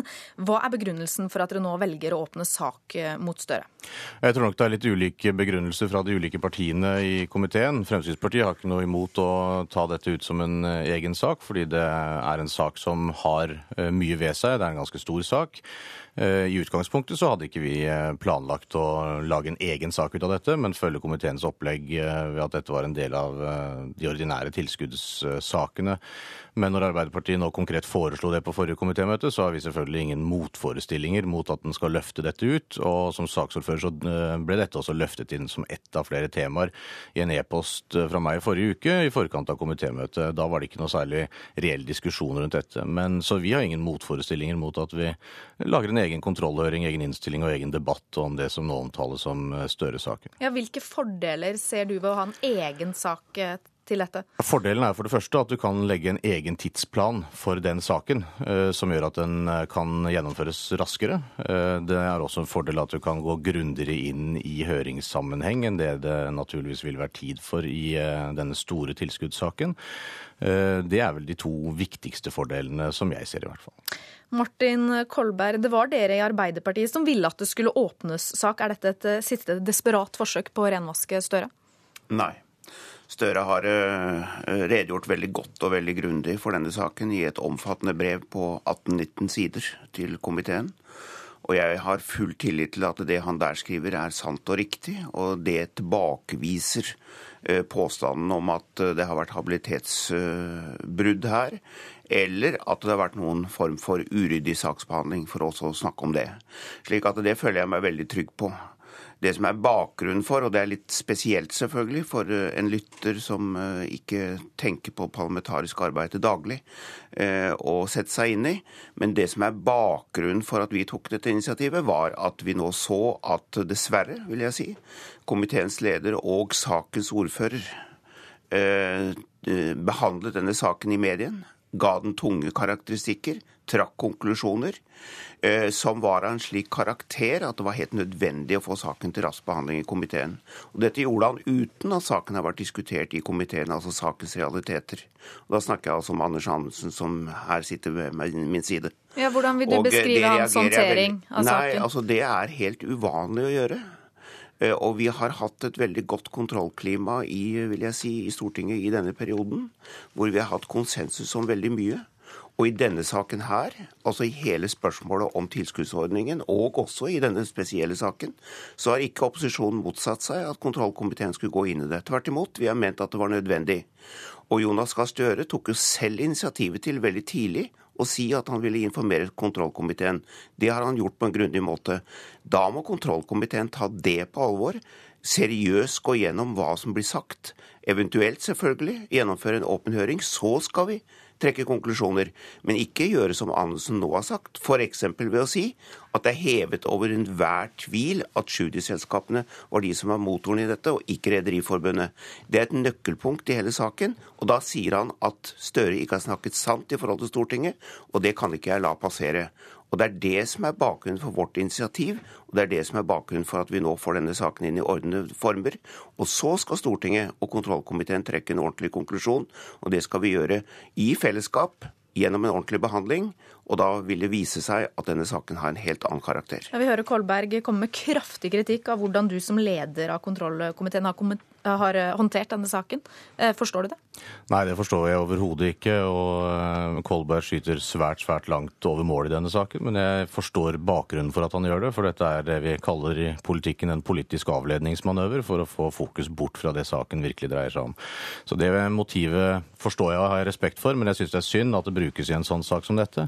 Og Vi ser jo også at retorikken i denne saken er en helt annen enn det den var i Lysbakken-saken, og det regner jeg med at de fleste merker seg. Jeg syns det er leit, for det gjør selvfølgelig noe med kontrollklimaet i komiteen også.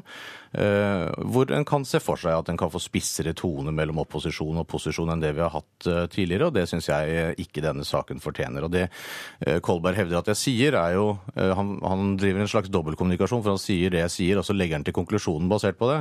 Det er jo ingen tvil om at Tschudi har vært en av pådriverne bak Nordområdesenteret, og jeg forstår heller ikke at det skal være et veldig omtvistet punkt. Det er jo noe også utenriksministeren egentlig har indikert gjennom den redegjørelsen som har oversendt komiteen. Så det kan jeg ikke forstå skal være så dramatisk. Og jeg kan heller ikke forstå at det er dramatisk at jeg gjentar det jeg har sagt eh, lenge i denne saken, med støtte fra store deler av det juridiske miljøet, nemlig at det fremstår som ganske åpenbart at Støre burde ha fått sin habilitet vurdert. Og jeg syns saken fortjener de to klare signalene, uten at den har konkludert med hva som er kritikkverdig utover det. Det er prosesser som kommer underveis. Men i motsetning til Kolberg så tar ikke jeg alt utenriksminister Jonas Gahr Støre for, uh, sier for god fisk automatisk. Det er min jobb å undersøke det i forhold til andre kilder som vi også har tilgjengelig. Ja, Støre mener at så lenge han selv har vurdert eh, seg selv til å være habil, så holder det. Um, hvorfor kan ikke han da, slik mange har oppfordret han til, be Lovavdelingen i Justisdepartementet om å foreta en habilitetsvurdering nå i etterkant for å renvaske han en gang for alle? Ja, du spør meg. Eh, altså, det er fordi at Lovavdelingen er ikke noen domstol. Det, er, eh, det helt relevante er at man eventuelt bruker Lovavdelingen i forkant. Eh, men her har man ikke sett behovet for å vurdere denne habiliteten. Og det mener jeg at det er godt gjort for og gjennomgått i dette brevet. Og av de påstandene som Anundsen er inne på her, de er det også omtalt veldig grundig i brevet, for å si det rett ut på side 14. Der er de avsnitt etter avsnitt gjennomgått veldig. Og de dokumentene som i går ble presentert som nærmest litt spesielle dokumenter som mediene hadde fått tak i, som det heter, de er oversendt til Stortinget i åpen post. Slik at Det er ikke slik at det er gjort noe forsøk på å holde noe som helst hemmelig fra utenriksministerens side i denne saken. Og På det grunnlaget så skal vi gjennomgå saken. Jeg gjentar det. Der er jeg helt enig med Anundsen. Men jeg, jeg synes, han sier jeg overdriver, men han forsøker nå å legge et slør over det han har gjort, nemlig å drive denne saken i mediene uten å sørge for at saken er til skikkelig behandling i komiteen når han er sakens ordfører. Det kan vi ikke ha gående, og det er derfor jeg har tatt dette initiativet. Men dette er naturligvis uh, igjen ganske feil. Det er naturligvis ikke slik at det er Martin Kolberg som bestemmer hva Fremskrittspartiets Anders Adunsen skal uttale seg om i media. Uh, og de uttalelsene jeg har kommet med, er klart innenfor rammen av det både en komitéleder, saksordfører og et oppegående politisk menneske bør komme med i denne typen saker. Jeg forstår at Martin Kolberg ønsker å legge lokk på saken, og på denne måten forsøker å på en måte dra inn opposisjonens kommentarer. Det kommer han ikke til å lykkes med. For meg er det, er det veldig viktig å være ryddig og ordentlig ordentlig i denne sammenhengen.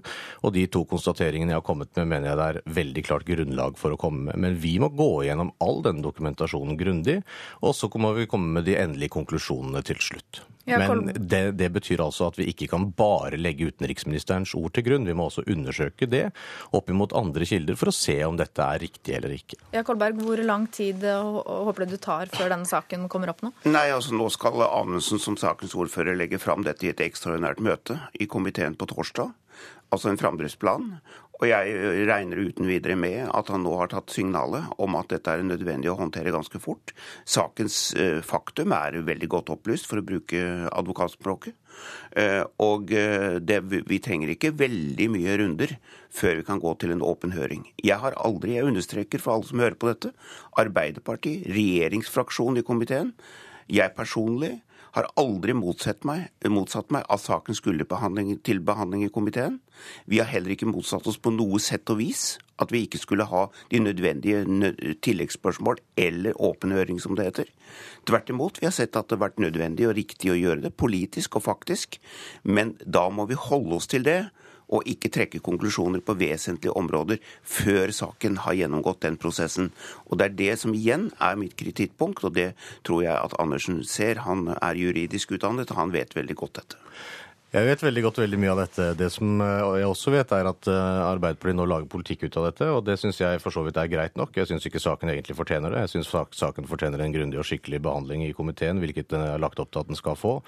Eh, men det betyr naturligvis ikke at den er avskåret fra å kommentere saker i media. Det vil jeg gjøre fortsatt, og det vil helt sikkert Martin Kolberg gjøre også. Og jeg vil også gjøre oppmerksom på som et bakteppe her at det kommer jo langt kraftigere uttalelser fra komitémedlemmer under Lysbakken-saken uten at det førte til at Kolberg hevet et øyelokk. Og vi har også sett komitémedlemmers uttalelser i denne saken som heller ikke har ført til noen reaksjon. Så dette er etter min oppfatning en åpenbar avledningsmanøver, og jeg ønsker han lykke til med den jobben. Ja, Kolberg. Ja, jeg hører her at Anundsen fortsetter sitt spill ved å antyde, eller faktisk ikke bare antyde, han sier veldig direkte at jeg her oppfører meg annerledes i Lysbakken-saken enn jeg gjør i denne saken. Det henger sammen med sakens realiteter. Det vet Anundsen veldig godt fra komiteens behandling, og det er en del av det bildet vi nå ser, at de forsøker å, å skape et inntrykk av at vi driver et spill i saken. Det gjør vi faktisk ikke. Det er det Anundsen som har starta, og det får han ta ansvar for. Kort til slutt, Anundsen. Hvor raskt kan man få på plass den høringen? Nei, Det handler egentlig bare om praktiske forhold, og jeg er innstilt på at vi kan få dette gjennomført så fort som mulig. Dette er en sak som nå fremstår som ganske opplyst. Vi har mange andre kilder i tillegg til eh, utenriksministerens redegjørelse som allerede er klare. Eh, så dette handler rett og slett om å finne en praktisk mulighet for eh, gjennomføring av kontrollhøring og avslutning av innstilling og debatt i Stortinget. Takk til dere, Martin Kolberg fra Arbeiderpartiet, Anders Anundsen fra Fremskrittspartiet.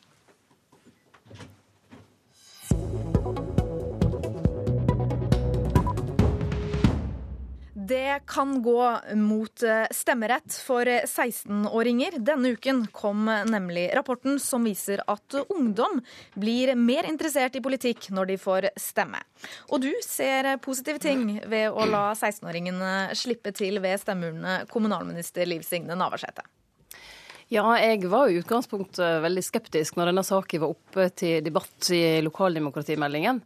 Eh, men etter å ha reist landet rundt og snakka med mange av de ungdommene som nå var med på forsøket, eh, så må jeg si jeg er blitt mer positiv. Og det er jo spesielt tre element jeg ser på som, som positive.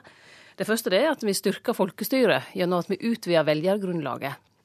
Eh, det andre er at vi kan få høyere valgdeltaking i ungdomsgruppa. Den er jo ekstremt lav, 33% gjennom de siste valgene. Det er for dårlig. Eh, hvis en har stemmerett for 16- eh, og 17-åringer, så bor eh, ungdommene hjemme. Og det vil nok føre til at det er lettere å engasjere dem i lokalvalget og i de lokale sakene.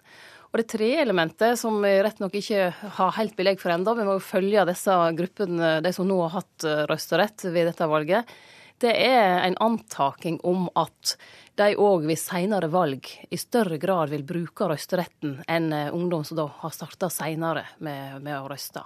Så det er noen positive element. Samtidig så er det røster som, eh, som sier eh, at disse ungdommene er for unge, de er ikke ansvarlige nok, osv. Jeg har møtt utrolig mange reflekterte ungdommer som jeg tror er mer voksne og reflekterte enn kanskje de som nå er i 50-åra var når de var 16 og 17 år. Men du har blitt eh, mer positiv, som du sier. Hva var det du fryktet mest eh, da du, du var eh, tidligere? Uh, kanskje populisme, uh, og at det ville bli liksom, mer sånn, uh, ja, litt mer populistisk debatt. Det har jeg ikke opplevd. og Jeg har sjekka for så vidt ganske nøye hvordan valgkampene har foregått, for jeg har engasjert meg i dette. Jeg syns det er spennende. Um, derimot så har jeg blitt imponert over bredden i de sakene som, eh, som ungdommene er opptatt av. Jeg skulle tro at det var mest ungdomssaker knytta til fritidstilbud, skole og, og den type ting. Jeg har møtt mange ungdommer som har vært minst like opptatt av forholdene på sykehjemmen til, til besteforeldre. Eh, samferdsel, eh, utenrikspolitikk, bredden i politikk. Uh, ut ifra uh, en lokalpolitisk ståsted. Uh, og det syns jeg er ganske interessant å registrere. Og jeg ser jo òg at både LNU og Barneombudet, som kjenner ungdomsgruppa særdeles godt, er positive til forsøket. Så det vi kommer til å gjøre nå, det er å evaluere det nøye, og så får vi diskutere i etterkant hvordan vi skal ta det videre. Ja, hvor raskt kan stemmerett for 16-åringer komme på plass? Nå skal evalueringen gå i, i år og bli ferdig da, eh, neste år med alle sine faktabiter. så vet vi at Stortinget er ganske så delt i synet på dette. Og det er jo et spørsmål som rører ved både partidemokratiet og folkestyret i stort. Så jeg mener dette er en sak som vi må diskutere bredt i Stortinget. Og da vil jo det være stemningen der som avgjør hvor fort det kan innføres. Praktisk sett så kan en jo innføre det, ikke ved kommende valg, men iallfall valget deretter. Det vil komme an på de politiske partiets håndtering av spørsmålet, hvor fort det kan bli aktuelt. Takk til deg, Liv Signe Navarsete. Og det var alt fra oss i Politisk kvarter, men P2-dagen, den fortsetter.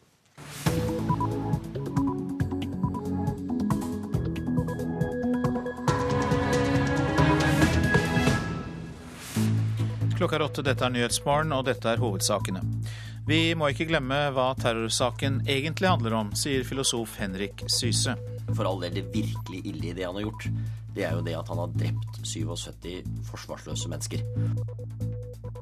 Anders Behring Breivik, eh, Rettssaken mot Anders Behring Breivik er for viktig til at deler av den skal sensureres. Det sier jusprofessor Ørnulf Rasmussen ved Universitetet i Bergen. Filmstatister føler seg utnyttet. Nå samler de seg til kamp for bedre lønn. I dag fortsetter rettssaken mot Anders Behring Breivik i Oslo tinghus. Professor og filosof Henrik Syse sier at det er viktig å huske på hva terrorsaken egentlig handler om. For all del, det virkelig ille i det han har gjort, det er jo det at han har drept 77 forsvarsløse mennesker. Om han har gjort det fordi han er redd for multikulturalisme, eller fordi han tror månen er en gul ost, eller fordi han tror han redder menneskeheten med dette, blir på én måte irrelevant stilt overfor det. Samtidig er det veldig viktig at vi forsøker å forstå konteksten hans. Det er hans rett å gi uttrykk for den. Og det som jeg synes kommer veldig tydelig til uttrykk, også i går, det er jo at han lever på sett og vis i sin egen verden. Eksaminasjonen, eksaminasjonen av Anders Behring Breivik er delt inn i bolker. I dag skal retten behandle tiden fra Breivik sluttet på skolen i 1998 til han flyttet hjem til moren i 2006 underliggende her er også hans egen radikalisering. Han påstår jo at han eh, traff eh, eh, meningsfeller i London i 2002 og stifta dette nettverket Knights Templar. Det mener aktoratet er en organisasjon som bare eksisterer inni hodet på Anders Behring Breivik, og mye av eksaminasjonen går, går på å rett og slett finne hans framstilling av hva som faktisk skjedde, og forholde han med andre faktum som kanskje skal, kan tyde på at eh, det han påstår skjedde, ikke har skjedd. Det sa kommentator Knut Magnus Berge, som følger rettssaken. Og denne saken er for viktig til at deler av den skal sensureres. Det sier jusprofessor Ørnulf Rasmussen ved Universitetet i Bergen. Høyesterett har bestemt at Breiviks forklaring ikke skal sendes på radio eller fjernsyn. Men Rasmussen reagerer kraftig på at ikke alle skal få høre forklaringen som overværer rettssaken enten i Oslo eller i en av de andre rettssalene rundt i landet som sender dette ubegrenset, de vil få full tilgang til tiltaltes forklaring. Vi andre vi vil måtte forholde oss til journalistenes forklaring av hans forklaring. Vi har jo sett allerede etter to dager en ganske skremmende feilinformasjon. Og jeg syns denne saken er for alvorlig til at vi skal være henvist til den formen for innsikt. Ni av ti forvaringsdømte slippes altfor tidlig ut i samfunnet. Det mener høyesterettsdommer, eller tidligere høyesterettsdommer Georg Riiber-Moen. Nye tall fra Ila fengsel og forvaringsanstalt viser at omtrent alle forvaringsfanger slippes fri rett fra lukket avdeling. Riiber-Moen sier det kan gå på sikkerheten løs. Ja, det mener jeg. Det er, derfor de, det er derfor de sitter på forvaring. For de er vurdert som ekstraordinært farlige for samfunnet vårt og begått alvorlige forbrytelser tidligere. Forvaringsanstaltene skal gi soningsplass til de aller farligste i samfunnet. De vi frykter vil begå nye ugjerninger. Og nettopp derfor mener Riiber Moen at de forvaringsdømte må få prøve seg i mer åpne anstalter før de kommer ut. Det gir dem bedre muligheter til å greie seg ute i samfunnet. Det er også god samfunnsbeskyttelse. Reporter Ellen Borge Christoffersen. To ganger har Island stoppet innføringen av datalagringsdirektivet i EØS-avtalen. Utenriksminister Jonas Gahr Støre mener at det likevel ikke er grunn til å vente med innføringen av direktivet i Norge, skriver Nasjonen. Datalagringsdirektivet er omdiskutert også i flere av EUs medlemsland. Arbeidsminister Hanne Bjurstrøm er denne uka i USA for å lære av amerikanernes erfaring etter oljekatastrofen i Mexicogolfen for to år siden. Erfaringene kan ha betydning for diskusjonen om eventuell oljeutvinning i arktiske strøk, sier Bjurstrøm. Jeg vil se på uh, måten vi organiserer uh, hele sikkerhetssystemet på. Jeg vil se på hvordan vi forholder oss til små selskaper. De har ofte mindre erfaringer knyttet til å gjennomføre den type reguleringer vi har. Og så har vi etablert et godt videre samarbeid med amerikanerne på sikkerhetssiden, og særlig uh, i forhold til arktiske strøk. Det kan bli dyrere å kjøre buss, trikk og bane i Oslo og Akershus. Ruter vil vurdere såkalt tidsdifferensierte billettpriser, dels for, dels for å skaffe mer penger, og dels for å utnytte kapasiteten bedre utenom rushtida.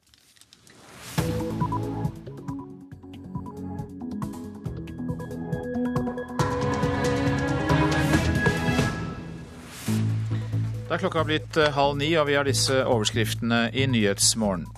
Anders Behring Breiviks kontakter i utlandet skal nå gjennomgås i rettssaken. Serbisk krigsforbryter som skal ha vært knyttet til Breivik, hevder han aldri møtte den terrortiltalte.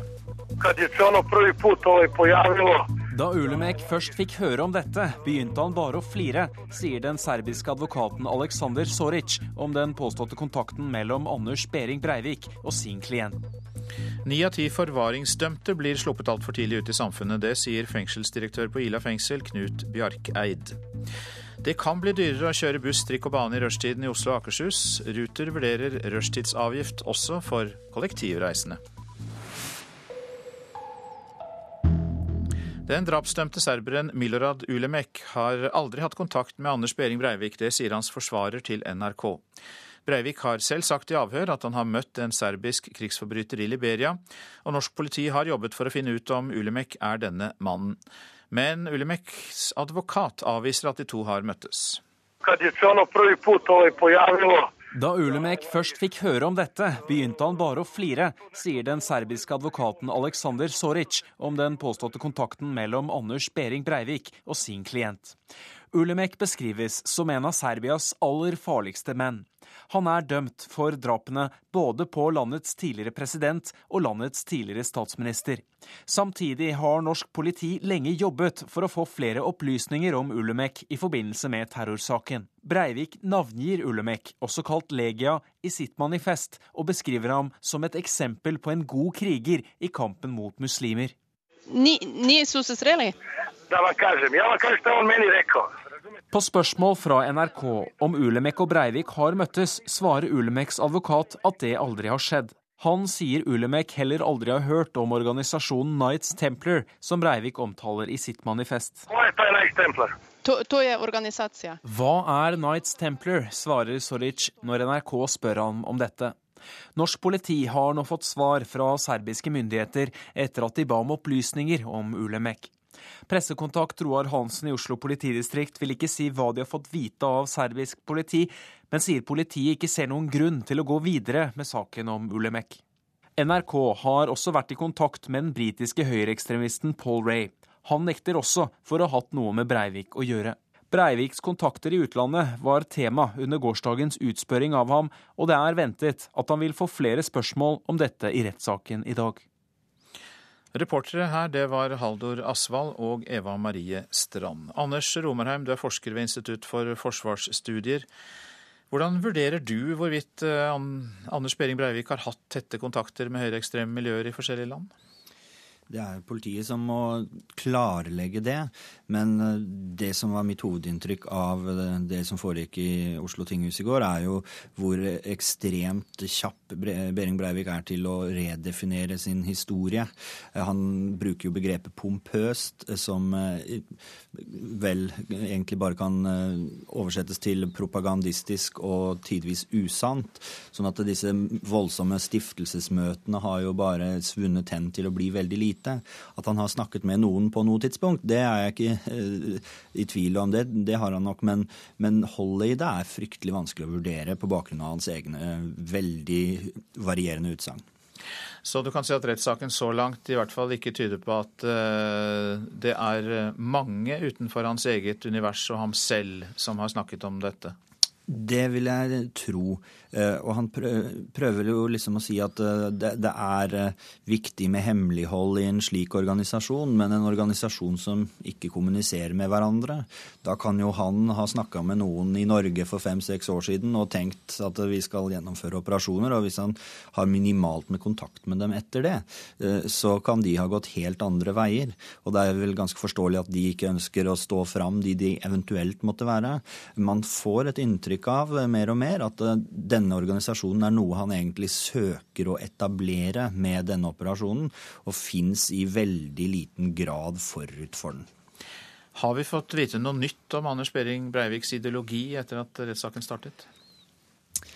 Um, den, den, er, den, henger jo ikke helt sammen. Det knaker jo hele veien i sammenføyningene. Det er det er litt vanskelig å se på han som en ideolog. Han ønsker å være det, men eh, det er jo andre. altså Fjordmann, bloggeren, har jo mere, et mer grep om dette da, når man leser essayene, og det, det, er Behring Breivik enig om. Og, og, han har jo ikke gjennomført noen voldelig auksjon, eh, og ikke i hvert fall hele veien sagt at det må bli voldsutgivelse i Europa, så der skiller de litt lag. Eh, men jeg vil si at ideologien eh, forstår man vel så mye om eh, ved å lese manifestet, men det justeres jo. F.eks. antifeminismen, som han vel kan sies å være veldig lite salgbar. Han omtaler jo kvinner som rene reproduksjonsstasjoner i manifestet. Det, det nevnte han ikke ved et ord i går, kun at kvinner burde være litt mer hjemme. Tror du at eh, Breiviks forklaringer i retten kan bidra til å rekruttere andre til hans holdninger, til hans ideologi? Det er jo sånn at eh, hvor forkvaklet en ideologi enn er, så finnes det mennesker der ute som, som eh, tiltrekkes dette, som kanskje har eh, store personlige kriser og er søkende. Eh, og det er, er, det jo dessverre en mulighet for. Og hovedoppslaget i VG i dag omhandler jo akkurat dette med en amerikaner som nå med fullt bilde står fram og sier at dette her er fine greier, og jeg vil at han skal være min mentor. Og hvorfor han gjør det, det, det kan være mange grunner, og det kan være personlige kriser osv. Eh, men det er klart alt som kommer frem i media, er, er vesentlig i den forbindelse. Mange takk for at du kom til Nyhetsmorgen, Anders Romarheim, forsker ved Institutt for uh, forsvarsstudier. Så går vi til deg, Merete Jansen. Du følger terrorsaken fra Oslo tingrett, og snart blir retten satt uh, nå tredje dag. Og hva skjer i tingretten i dag? Ja, Bygningen er i ferd med å fylles langsomt opp her. og Når de kommer i gang inne i sal 250 om litt over 20 minutter, så fortsetter aktoratet sin utspørring av Breivik. De holder på med den perioden som går fra midten av 90-tallet, da han gikk på gymnaset, og frem til 2006. Eh, da de mener at han startet for alvor med å planlegge terrorhandlingene. Eh, de kommer bl.a. til å spørre litt mer om kontakten med militante nasjonalister i London og andre steder. Vi hørte jo nettopp at Serbia ble nevnt her i en sak. Eh, og Aktoratet har varslet at eh, det er denne perioden her de kommer til å bruke lengst tid på i utspørringen. Så etter hvert så går de videre til de neste to delene, som er den konkrete terrorplanleggingen og hendelsene 22.07. Men det blir nok sikkert ikke i dag. Akkurat i går så avsluttet de dagen med å spørre Breivik ut om bakgrunnen for at eh, det politiske engasjementet hans gikk fra å medlemskap i Fremskrittspartiets ungdom og over til eh, en langt mer voldelig ideologi. Men eh, for å understreke det, Merete Jansen, det er vel da fortsatt slik at dette ikke blir gjengitt på radio og TV? Nei, det blir ikke gjengitt direkte, men det er selvfølgelig mulig å følge med veldig nøye for så vidt på hva han sier, fordi at det er mange nettsteder, bl.a. nrk.no, som eh, har en såkalt live feed, hvor det skrives eh, på nettet det meste av det som han eh, forteller. Takk skal du ha, Merete Jansen, som altså følger rettssaken fra Oslo tingrett. Nesten alle innsatte som er dømt til forvaring, slippes ut for tidlig i samfunnet. Det sier direktøren ved Ila fengsel, Knut Bjarkeid. Tall fra kriminalomsorgen viser at de fleste går ut i frihet rett fra lukket avdeling. Pål er en av de forvaringsdømte på Ila som eh, venter på å bli sluppet fri. den innsatte som skal bevise at han eh, at ikke fare for gjentakelse. Det er sjette året Pål sitter på Ila for grov vold og kidnapping. Han vet ikke når han kommer ut. Sånn er det å bli idømt forvaringsdom. Altså, du, du, du overlever jo, sant, og sånne ting, men uh, det her er jo ikke noe liv å sitte i fengsel. Men fengselsdirektør på Ila, Knut Bjørket bekymrer seg når forvaringsdømte skal løslates, fordi så å si alle slippes direkte fra lukka avdeling. De burde altså da kommet over i åpne anstalter og andre typer institusjoner som ga de mulighetene til å teste ut kunnskapene. Nye tall fra kriminalomsorgen viser altså at så å si ingen får dette tilbudet, selv om det står i forvaringsloven. Det er jo farlig. Direkte farlig. Sier en som var med på å utrede forvaringsreglene på 90-tallet, tidligere høyesterettsdommer Georg Riiber Moen. Han mener forvaringsdømte må få prøve seg i mer frie former før de løslates. Hovedformålet med forvaringsdommen er ikke rehabilitering. Hovedformålet er å beskytte samfunnet via innesperring. Det må aldri glemmes. Men så er det jo også slik at for å gi dem bedre muligheter til å greie seg ute i samfunnet, det er også god samfunnsbeskyttelse. Forvaringssystemet er i år ti år gammelt, men fortsatt fungerer det for dårlig, mener Knut Bjarkeid. Man har brukt egentlig relativt sett lite ressurser i tillegg for å få til løslatelsen av forvaringsdømte på en god måte. Ja, du vet, jeg har jo noen drømmer da, sant, og tanker rundt ting og tang. Jeg har jo barna mine. Mer om dette på programmet Status Norge på NRK2 klokka 20.45 i kveld. Reportere her Line Hødnebø og Ellen Borge Christoffersen. Statoil vil eh, selge Statoil Fuel and Retail, dvs. Si de som driver de 2300 bensinstasjonene, har akseptert et tilbud fra et canadisk selskap. En avtale skal være på plass i løpet av de tre neste månedene. Og Lars Henrik Røren, du er analytiker i eh, SEB Enskilda. Eh, hvorfor selger Statoil eh, nå såpass mange bensinstasjoner? Du, Statoil egentlig startet denne prosessen i 2010, oktober 2010, når de besluttet å delselge seg ned i denne virksomheten. Da de børsnoterte Statoil Food and Retail i oktober 2010 og har eid 54 siden. Så dette er for å rendyrke sin virksomhet. Eh, dette utgjør en veldig liten del av Statoils samlede verdier. Samlet transaksjonsverdi på Statoil Food and Retail er ca. 16 milliarder kroner, og Statoil eier ca. 8 8,5 milliarder av de, og det må ses i sammenheng med den 500 milliardersverdien de har for sin samlede virksomhet. Så en rendyrking vil jeg kalle dette. Betyr lite for Statoil, men for oss som driver og tanker fra disse stasjonene, 2300 bensinstasjoner, betyr det jo litt av hvert. Hva kan det bety for oss at canadierne blir eiere? Ja, når du snakker om oss, så er det ikke 2300 stasjoner i Norge. Så hvis det er oss nordmenn du mener, så er det et langt mindre antall. Men de har en stor markedsandel. For oss vil ikke dette bety mye. Det er samme forretningskultur i, i, i Korsdal som det er i, i, Statoil. De kommersielle avtalene som Statoil Food and Retail har, i, kommer til å bli opprettholdt. Og også brandet Statoil. Så vi vil nok ikke merke veldig mye forskjell. Det Kanskje selskapet vil nok ta en litt annen retning, bl.a. med mulig litt mer aggressivt når det gjelder å realisere noen av eiendomsverdiene bl.a., som ligger i alle disse stasjonene og slike ting. Men som forbruker så tror jeg ikke man vil merke noe. Men konkurrentene vil kanskje merke at det er kommet en ny og kanskje enda mer aggressiv eier som skal ha god avkastning på disse pengene. Eh, så sånn sett blir det en enda tøffere konkurranse, om mulig. Man, hva vet du om disse canadierne i Korstar? Er det et svært selskap som eier eh, andre bensinstasjoner også? Ja da, de er, de er store. De har eh, over 5000 eh, si, outlets i, i, i, i, sin portefølje. 5800 tror jeg, og 4200 av de, så altså ca. det dobbelte av Statoil sin portefølje. Eh, leverer også bensin. Eh, de ble børsnotert i 2002, altså ca. ti år siden, og har vokst ganske kraftig. Men de er en seriøs, eh, flink aktør av Nord-Amerikas største aktør på dette her, og har samarbeid med flere bensinstasjonskjeder. Men først og fremst kommer de å opprettholde dette her som en selvstendig enhet. I, eh, og Statoil kommer til å ha sitt, eller Food Retail kommer til å ha fortsatt sitt hovedkontor for Europa ut fra Norge. Og jeg har ikke noen grunn til at ikke dagens ledelse også skal bli sittende. Så som forbruker kommer vi ikke til å merke mye av det sånn. Men det er et eh, ekspansjonstrekk fra ACT, eller Korstar, da. Ja, og Statoil-navnet blir beholdt? Det er det som sies i melding, og jeg kan ikke tro noe annet. Alt annet vil være dumt. Takk skal du ha, Lars Henrik Røren. Du er Statoil-analytiker i SEB Enskilda.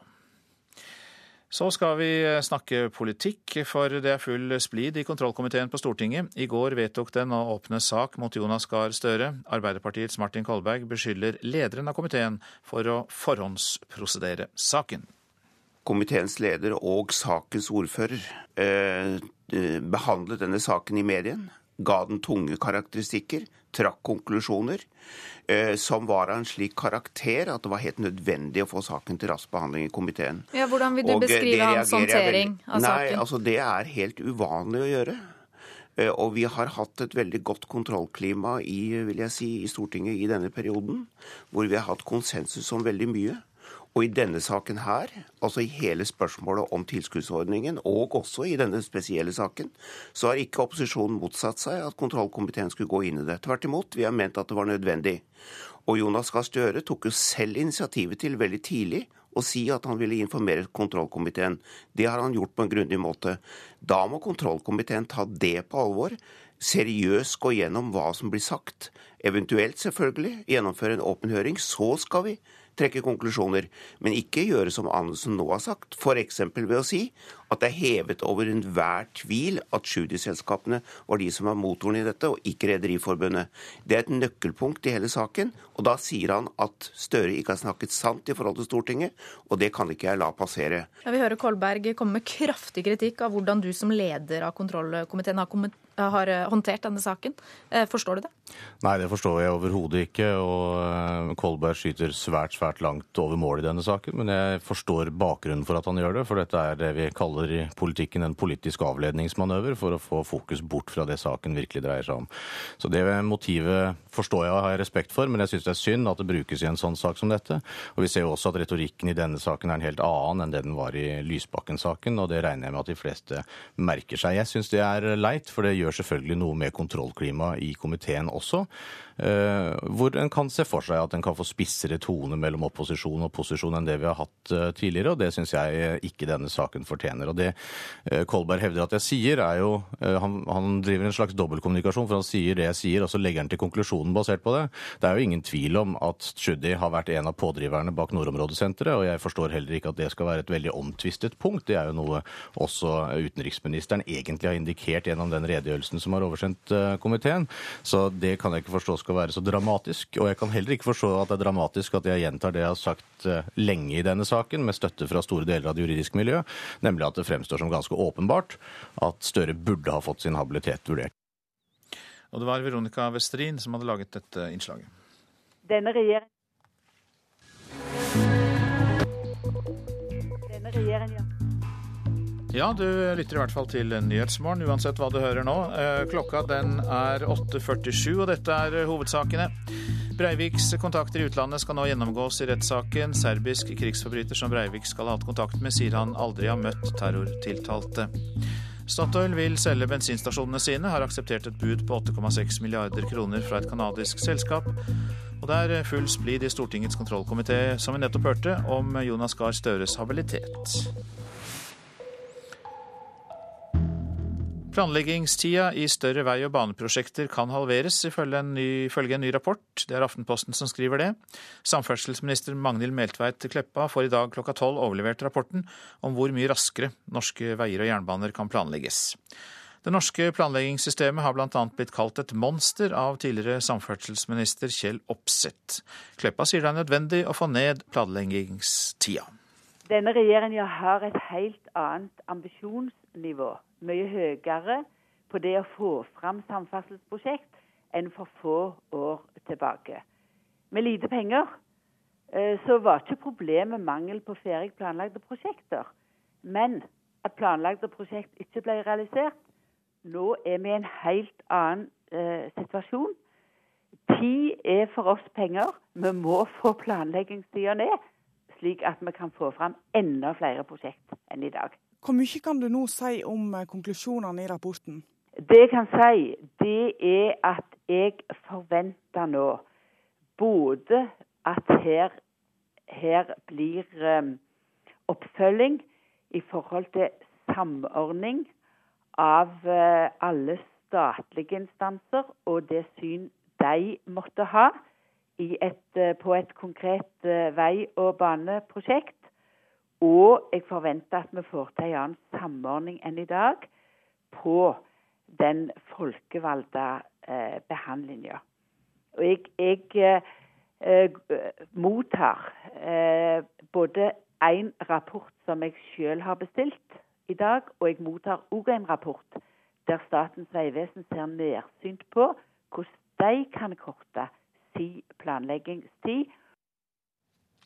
Ja, det sa samferdselsminister Magnhild Meltveit Kleppa. Reporter var Tone Gullaksen. Og så har vi med oss deg, Høyres Øyvind Halleraker. Du er medlem av transport- og kommunikasjonskomiteen på Stortinget. Hva mener du om planleggingstid for større vei- og baneprosjekter? La meg først si at eh, når, eh, når Kleppa sier at denne regjeringa har et helt annet ambisjonsnivå, så har ikke det kommet så veldig tydelig til syne. For planleggingstiden har jo nettopp økt i takt med at veiene forfaller og at etterslepet er blitt større. Og at så, prosjektene er blitt dyrere og dyrere. Ja, Så var det hva, hva du mener. Ja, det, det skal jeg gjerne komme tilbake til. Vi har ment lenge at det planleggingsregimet vi har i dag, både er fordyrende Eh, og det tar altfor lang tid. Og Vi eh, ser at eh, byggenæringen har fått lagt fram en rapport allerede som i stor grad imøtekommer Høyres politikk på området. og Vi har derfor store forventninger til at de rapportene Kleppa selv har bestilt, etter betydelig press fra opposisjonen, må jeg si, har de samme konklusjoner. Da er vi kommet et langt steg videre. Hvilke tiltak blir viktige for å få ned planleggingstiden? Ja, Det er jo først og fremst at uh, i dag uh, har vi et regime bestående både av konsekvensutredninger. Vi har, uh, vi har både KS1 og KS2, som det heter på fagspråket, som alle skal på høring. det er planleggingsrutiner mellom disse også, som alle skal på høring. Vi opplever at statlige etater ofte er uenige i store prosjekt. Rv. 4 er et eksempel hvor eh, fem offentlige etater står eh, på hver sin side, så å si, og dette forsinker prosjektene. Vi tror vi må ha samordnings, eh, et samordningsorgan for dette. Og vi tror, som Vista Analyse sier, at vi må gi større frihet til etatene, altså Statens vegvesen og Jernbaneverket, og at Stortinget må konsentrere seg om overordnede vedtak på, på prosjekter. Får vi dette til, ledsaget av nye finansieringsløsninger og organisasjonsmodeller, så tror jeg vi skal eh, greie å, å få planleggingstiden halvert, slik eh, man antyder. Eh, helt til slutt, men Man skal jo også sikre seg mot feil i saksbehandling og grunneiernes rettigheter bl.a. Det blir jo viktig det også, Halleraker? Det er veldig viktig, men vi har jo sett at dette regimet har medført eh, såpass lang eh, behandlingstid av helt andre grunner enn eh, grunneiernes rettigheter. Og Vi mener derfor at det også kan være tid for å diskutere om man i store, helhetlige korridorprioriteringer, som Stortinget bør konsentrere seg om, også åpne for statlig reguleringsplan. Det er en diskusjon vi må ta, tror jeg, i alle partier. Eh, som vi f.eks. Eh, gjorde det når vi bygde eh, Gardermoen. Det er etter hvert såpass store og omfattende ting som henger sammen, som fortjener en raskere planlegging. Mm. Det som ofte skjer i dag, er at det, planleggingstiden blir så lang. Ja, det har vi skjønt, og har, da har vi ikke mer tid til det. Men hjertelig takk for at du var med, Øyvind Halleraker fra Høyre. Så kan det bli dyrere å kjøre buss og trikk og bane i Oslo og Akershus i rushtida, for Ruter vurderer tidsdifferensierte billettpriser for å skaffe mer eh, penger og utnytte kapasiteten bedre, sier administrerende direktør Bernt Reitan Jensen.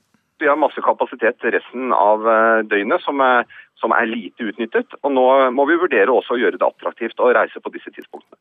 Men risikerer ikke da ved en rushtidsavgift på kollektivtrafikken å bare skremme folk tilbake igjen på vei? Nå, nå, brukte du ordet rushtidsavgift. Det går jo an å se for seg at det faktisk skal bli rimeligere å reise på de tidspunktene det ikke er dyrest for oss å, å, å frakte kundene våre. Reporter Olav Juven, og så til deg, nestleder i Stortingets transportkomité, Anne Marit Bjørnflaten fra Arbeiderpartiet. Ja, hva syns du om å øke prisen i rushtida? Jeg syns det her er en usedvanlig dårlig idé. Jeg tenker at vi heller må gjøre det mer attraktivt for folk å velge kollektivt i rushtida. For jeg frykter at eh, det som blir alternativet hvis dette eh, gjennomslaget får eh, flertall, er at folk heller kommer til å velge bil enn å reise kollektivt. Og det tåler ikke trafikken og infrastrukturen i Oslo og Akershus. Men jeg forstår jo godt eh, argumentasjonen i forhold til å utnytte kapasiteten bedre over større deler av døgnet. Ja, det forstår jeg, og eh, vi må se på hva vi kan gjøre for å få folk generelt til å velge kollektivt. Men det å gjøre det dyrere eh, å benytte seg av kollektivtilbudet i rushtrafikken, det er fullstendig feil vei å gå. Og jeg kan ikke tenke meg at dette er et forslag som kommer til å få støtte. Men så er det jo et faktum at eh, buss og trikk er jo sprengfulle i rushtida. Og hva blir da Arbeiderpartiets løsning for å få flere til å bruke kollektivtransport, og ikke minst da i rushtida når det store trøkket er? Arbeiderpartiet er veldig opptatt av at vi er nødt til å styrke kollektivtrafikken i de store byene. Vi vet at det kommer til å flytte flere folk til både Oslo og Akershus og til de store byene, og vi er nødt til å øke kapasiteten eh, og heller ha et bedre kollektivtilbud, eh, billigere kollektivtilbud enn i dag, enn å gå motsatte veien. Ja, men du sier bedre og billigere. Hvordan skal det gjøres? For det tar jo litt tid å få investert i materiell også for å få det på plass. Og da kan det kanskje dette være en grei overgangsordning for å fordele trafikken bedre? Nei, det tror jeg ikke det. Og det vi nå jobber med i forbindelse med neste nasjonale transportplan, det er å se på hvordan staten kan ta et større ansvar for kollektivtrafikken også i de store byene. Det tror jeg er helt nødvendig skal vi klare å gjennomføre de endringene og bygge ut kollektivtrafikken ta makta fra de lokale og gi det til staten? Nei, vi ønsker ikke å ta makta fra de lokale. Tvert imot. Men jeg tror at det er sånn at skal vi klare å gjennomføre det løftet for kollektivtrafikken som er nødvendig, så må staten bidra mer. Og så har jeg også lyst til å si at I fjor høst så gjennomførte jo Oslo og Akershus politikk politikerne forenkling av takst- og sonesystemet nettopp for å få flere til å velge kollektivt. Og vi ser at det har ført til en eventyrlig vekst i kollektivreisene i Oslo. Nå må vi ikke gjøre det motsatte. Mange takk for at du var med i Nyhetsmorgen, nestleder i Stortingets transportkomité, Anne Marit Bjørnflaten fra Arbeiderpartiet. Nå går vi over til noe helt annet. En trafikk som pågår oppe i luften eh, mellom sangsvaner og andre fuglearter. For de kan nemlig sette en stopper for storflyplass i Lofoten. Årsaken er at området på Gimsøy, hvor Avinor ønsker å bygge flyplass, er beskyttet under det sterkeste naturvernet som Norge har. Hvis regjeringen opphever vernet, vil dette bli første gang i norgeshistorien. En gang må være det første for alt fornuftig her i verden. Det mener ordfører i Vågan kommune, Eivind Holst. Men drømmen hans om storflyplass på Gimsøy kan bli stoppa, da området i dag er et naturreservat.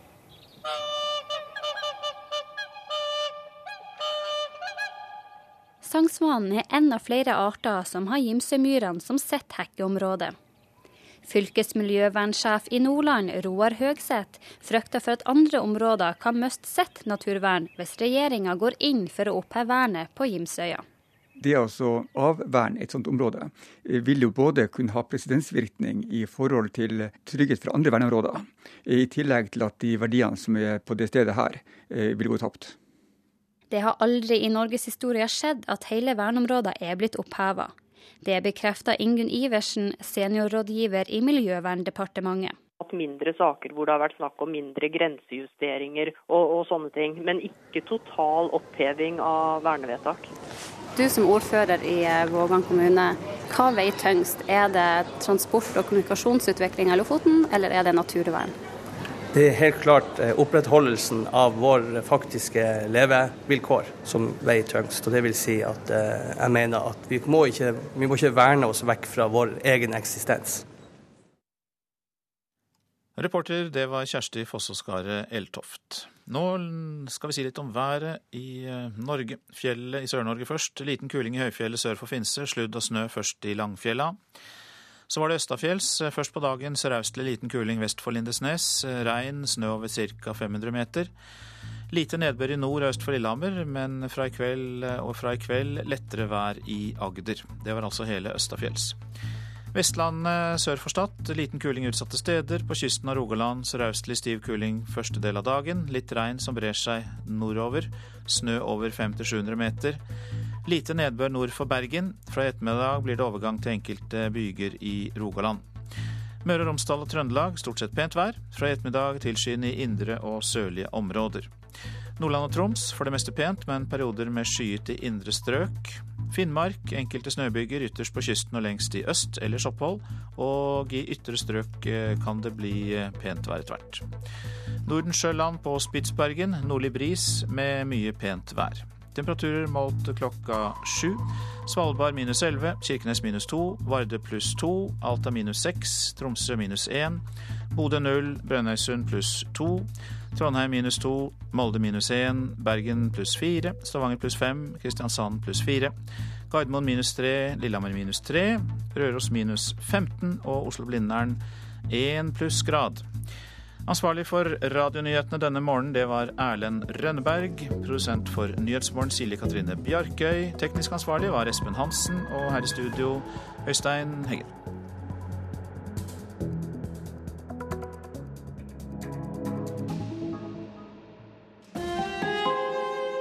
Hør ekko. Hver femte nordmann vil gjeninnføre dødsstraff her i landet. La forbryteren bøte med eget liv. Sånn tenkte vi for 200 år siden også. Da ble folk hengt, halshugget, druknet og brent på bålet i Norge. Rundt i verden skjer det fremdeles. Hør Ekko rett etter Dagsnytt. Ekko 9 11 i NRK P2.